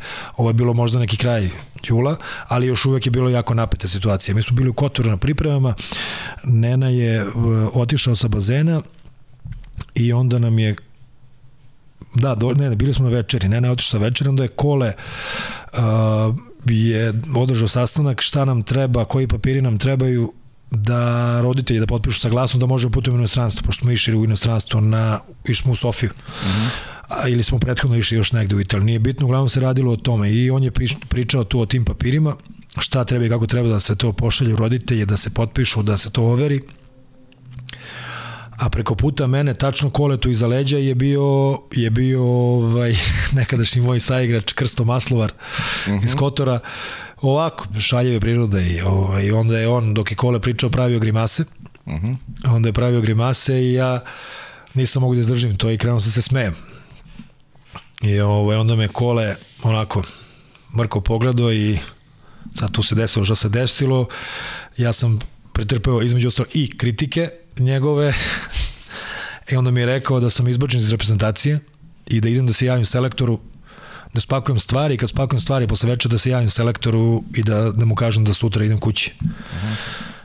I me, za mene u tom trenutku kao 17-godišnjaka zbog takvog jednog ispada koji, ajde da kažem, je iz ove perspektive dečački. Nisam ja tu ništa loše mislio, ali nisam mogu zaživim, krenuo sam da se smejem potpuno sam izgubio kontrolu. Uh -huh. To su te nekontrolisane emocije, praćene pubertetom i tako dalje. I ovaj i taj moment pakovanja mojih stvari i taj put od večere do gore i do, do, do kucanja do nenine sobe je stvarno, tu mi se svašta nešto ovaj, izdešavalo i, i svašta sam prevrtio u glavi shvatio neke stvari neki na, način ponašanja nešto što, na primjer eto šta, šta može šta ne može znači šta reprezentacija podrazumeva kakav vid ponašanja i tako dalje i tako dalje. I onda sam na kraju eto skupio snage. A Nena mi je bio trener i tada je u klubu. Uh mhm. -huh. u Partizanu. I selektor reprezentacije toj juniorskoj. Onda sam pokucao i, i rekao mu šta se da on nije znao. Uh -huh. i onda sam ja rekao Neno desilo se to i to. Izvinjavam se što su namirano desilo se to i to. I trener Vasilevski me, me, me poslao kući. Ja samo da vam se javim da sutra moram da nađem kartu i do da I onda pogledao onako i onda sam opet pretrpeo kritiku još jednu. Uh mhm. -huh. ovaj, ovaj, put, od, od... ovaj put samo kritiku uh -huh. od mhm. selektora, bez ovaj, fizičkog... Prateći, bez pratećih tako, stvari. Tako je, bez pratećih stvari. I onda mi je rekao, dobro, da se odmorim, da prespavam i da sutra idem da tražim izvinjenje od koleta i da ga pitam da li će da prihvati da, da ostanem tu. Uh mhm. -huh. I onda ta noć ponovo ne prespavana i sad ja treba sutra da se pojavim i da i pored toga što mi on rekao da moram da idem kući da ja sad tražim da ostanem da tražim izvinjenje, ali naravno Kole prihvatio izvinjenje i to smo vrlo brzo zaboravili, ja sam nastavio tu da treniram. Uh mhm. -huh. ovaj, da, velika škola velika mhm. škola. Velika uh -huh. škola i negde, eto, za mene neki kažem, tek neki putokaz u tom mhm. -huh. trenutku, uh -huh. kako treba, šta treba, šta ne treba, šta može da se prihvati, šta može da se istoleriše, a šta ne. Tako da, ovaj, Jeste jedna anegdota, sada iz, ovog, iz ove perspektive smešna, a tada meni uopšte to nije bilo tako. Da. E, ja sam mislio da je to to. Mm -hmm. Ja sam stvarno da mislio da se tu da završavamo. Da pa da se vraćam kući i da da je za mene reprezentacija samo će da ostane, eto, tamo neki ljudi gde se pripremaju, ja sam van toga, ali sva sreća da se završilo sve kako treba. Već. Kole je prihvatio moje izvinjenje. Kako je postao kapiten ovaj? Eto. Kako je Žile postao kapiten? ovaj, a Nena, Koliko je Nena prisutan sada u nekom tvom razmišljanju kao trenera? Znam koliko si pričao u prošlom podcastu, koliko je uticaj imao generalno na tebe i koliko Nena i dalje ovako živi u mislima uh, Živka Gocića. Da, apsolutno da. Na, mogu da kažem na, na nekom dnevnom nivou o, ja uvek volim i da je ocenam te uspomene i da, i da ga se setim i sa prijateljima i sa, i sa, sa saigračima kojima je on mhm. bio isto trener i, i selektor i šta ja znam šta. Ali upravo da se vratim na ono pitanje Aleksandrino. Uh mhm. -huh. On je um, bio meni više od trenera, jer sam ja proveo u tom nekom periodu jako, eto, to je taj neki kaže kritičan, adolescenski period, recimo između 13. i 14. godine pa sve do 21. druge, mi je on bio trener što u klubu, što u reprezentaciji. Taj deo mogu, on je obeležio deo odrastanja našeg. Uh mhm, -huh, I uh mhm. -huh. na kraju krajeva je na neki način i, i, i ne samo što nas je naučio osnove vaterpola i neke najbitnije postulate vezano za za bazen, isto tako nas je mm, isto tako imao taj pristup mm, jel, onako, da kažem, roditeljski, pa još malo onako iznad toga autoritet, autoritet u koga smo mi svi gledali kao u Boga i na, ja sam lakše mogao da izustim kod kuće da sam dobio lošu ocenu nego na bazenu. Mm -hmm. Meni je lakše bilo da kažem ocu i majici da dobio sam dvojku na kontrolnom potruću se da popravim mhm. sledeći put. Ne, ne, ne. ne, nisam smeo da kažem ništa. Pa sam onda se trudio da to se zataška, da se te ocene poprave do sledećeg trenutka dok dok, da kad donesem knjižicu da to izgleda uh mhm. -huh. ovaj, kako izgleda da, da ne bi pretrpao i tu ovaj, kritiku tako da s te strane isto je imao veliki utjecaj na na moje odrastanje uh, uopšte, ne samo kao sportist. Tako uh -huh. da mhm. zastupljenje je jako, zastupljenje je jako dan danas i žao mi je Ove, žao mi je naravno, mislim, žao mi je što je otišao tako, da kažem, nije, nije bio ni, ni nešto prestar i, i tako iznenada i tako, ni, ostalo nisam mu rekao neke stvari mm -hmm. i onda mi je to bez da, veze. Da, da, da. Mm. Onda mi je to baš bez veze. Znaš, a, a, imali smo takav odnos da, da i, i kad on već više mi nije bio trener, već je tu postao bio i direktor reprezentacije i šef stručnog saveta u reprezentaciji i tako i tu smo negde imali neki na nekom dečijem rođendan smo imali ovaj, neki, da kažem, neformalni razgovor prvi mm. put posle ne znam ja koliko godina. Da ja, ja stvarno nisam njemu se obraćao uopšte na način mm -hmm. da ga ja nešto pitam ili on je govorio, ja sam čutao i klimao glavom i to je bilo to. A eventualno kad smo pričali o nekim ajde što tiče vaterpola, pa sam tu naravno uvek imao neka pitanja, ali ovako životno da popričamo, nismo stigli i to mi je krivo jako. Mm -hmm. Ali bože moj, šta da radimo, da. to je tako, mislim. Dobro, zato ga se posjećamo stalno, da. manje više u svakoj da. emisiji podcasta da. neko dođemo do nene. E, ajde, ima još dva pitanja, može? Može. E, da li ti je jedan od emotivnijih događaja, doživljaja bio posle Rije, kada te jedna gospođa u parku pitala e, da li može da te zagrli? Jeste. Uh, pa evo i sad mi Sad mi je mhm. teško pričam o tome, da, da me zagrli da me poljubi. Da te zagrli da te da. poljubi. A ja sam bio sa Bogdanom. Uh mhm. -huh. Mi smo krenuli od kuće i smo na taš. Uh mhm. -huh. mi, mi, tu smo blizu taša živimo i meni deca se igraju na tašu. I svakodnevno provode vreme na tašu. Ovaj, I tu smo išli, smo na taš i, i prišla je gospođa, mislim, baka je mogla da mi bude, mislim, možda da mi bude. Uh mhm. -huh. I pitali jeste to vi, ja sam imao naočar, bilo letnje vreme, jel, avgust mesec, ja sam skinuo naočar, rekao, ne znam na koga mislite. Pa jeste vi kapitan? Ja sam rekao, ja sam ja mogu da vas zagrnem da vas poljubim? I ja kažem, možete, naravno. I ona je počela da plače. Mm. I onda sam ja isto, nisam se, nisam izdržao, a Bogdan je bio mali, imao četiri godine. I onda on to sve gledao u čudu i nije mu bilo jasno šta se dešava. Onda sam ja ti od njemu posle trebalo da objasnim zašto sad to se dešava i tako, a svakako jedan od najemotivnijih o, o, o, trenutaka u životu uopšte. Mm -hmm. Naravno, što se tiče ovog da. novog dela vezano za sport.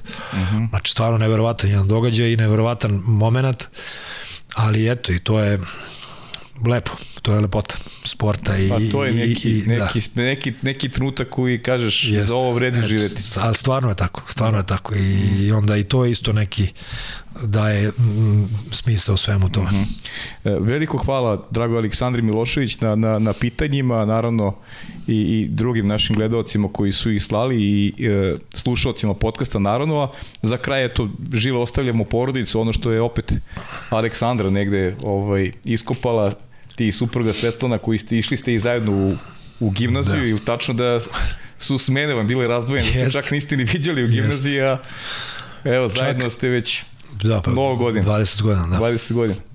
Ovaj, čak kad smo posle pričali o tome, pa smo menjali smene, ja, pa su oni dolazili u popodnevne, ja, ja sam išao u sportsku 11. pa je ona, ona je bila među smena neka čudna, da bi se mhm. stizalo ujutro na trening, pa smo mi išli od 10 u školu do 2.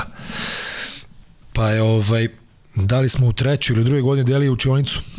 Znači mi kad smo kad završili šesti čas ili koji čas, oni ulaze posle nas njeno odalenje dolazilo posle nas i nikad se nismo sreli da se sećamo da smo se sreli. Verovatno se i ja smo sreli negde u nekom trenutku, ali da ne sećamo se toga ni ja ni ona. Uh -huh. ovaj, šta je život, kako to sve čudno da. podesio, ali vrlo brzo posle škole, posle završene gimnazije, to je bio decembar mesec, ja sećam se i tog mesta gde smo se, gde smo se upoznali i te žurke i Mlađe Manojlovića i Duleta Kovačevića koji je to organizovao i tako dalje, tako dalje. Mm -hmm. Tako da, ali et, jest, da, to je istina. Išli smo četiri godine u istu školu, čak smo, ja mislim, drugi ili trećoj godine, ne sjećam se koji, delili učionicu, ali nismo se poznavali. Mm Dobro, Eto. to je to. Porodica, sve okej. Okay. Hvala Bogu, sve okej. Okay. Um, eto, vratili smo se u Beograd, to će sigurno da prija pre svega Ceci, ovaj, koji je isto beogradsko dete i, i ovaj, voli ovaj naš grad. Deca takođe imaju svoje društvo ovde i svoje prijatelje. Sad malo tu imamo oko, oko Bogdanov, sad treba da se upiše ovde prvi put u školu, u školu da. pošto tamo završio tri razreda, ali dobro, sve će to, da, sve će to biti dobro. Um, on je ovako komunikativan, komunikativan tip i, i nadam se da će taj period adaptacije uh mhm. -huh. da, da prođe bez problema. Uh, Stefana smo pisali u vrtić u koji je Bogdan išao tu isto u kraju kod nas, tako da tako da eto sve bi trebalo da, da bude kako, kako je zamišljeno. Uh mhm. -huh. Žile, ili Ima nešto što bi rekao, nisam te pitao ili ostavljamo, ostavljamo za sledeći put. Ostavljamo za sledeći put. Ovo, ovaj, upravo, upravo treba da krenem sa sinom, imamo kontrolu kod zubara, tako da, Dobro. tako da moramo da Ništa, hvala na gostovanju, uh, da, na gostovanju, na hvala na pozivu, izvinjavam se i prijatno mi je bilo i stvarno sam imao, stvarno imam osjećaj da bismo mogli ovako još ovo da produžimo, ali, ali ajde i da ostavimo nešto za, za, neke, za neke buduće prilike. Žile, hoćem obavezno, naravno, vidjet ćemo se neki drugi mestima pre nego što dođeš ponovo, ovaj, ponovo u podcast. Hvala ti puno još jednom i želimo ti puno sreće i, i ja i cela ekipa koja radi u produkciji ovog podcasta i onako moram na kraju da kažem da sam mnogo srećan što si se vratio u, u, u svoj Hvala. Beograd i što si se vratio u Srpski vatrpol. Hvala. Hvala i, i vidimo se. To je bio Živko Gocić, uživajte u podcastu, uživajte u ovom sjajnom razgovoru, a saznajte na našim Instagram, Instagram profilima ko će biti naredni gost u 98. izdanju podcasta pod kapicom. Do tada, svako dobro.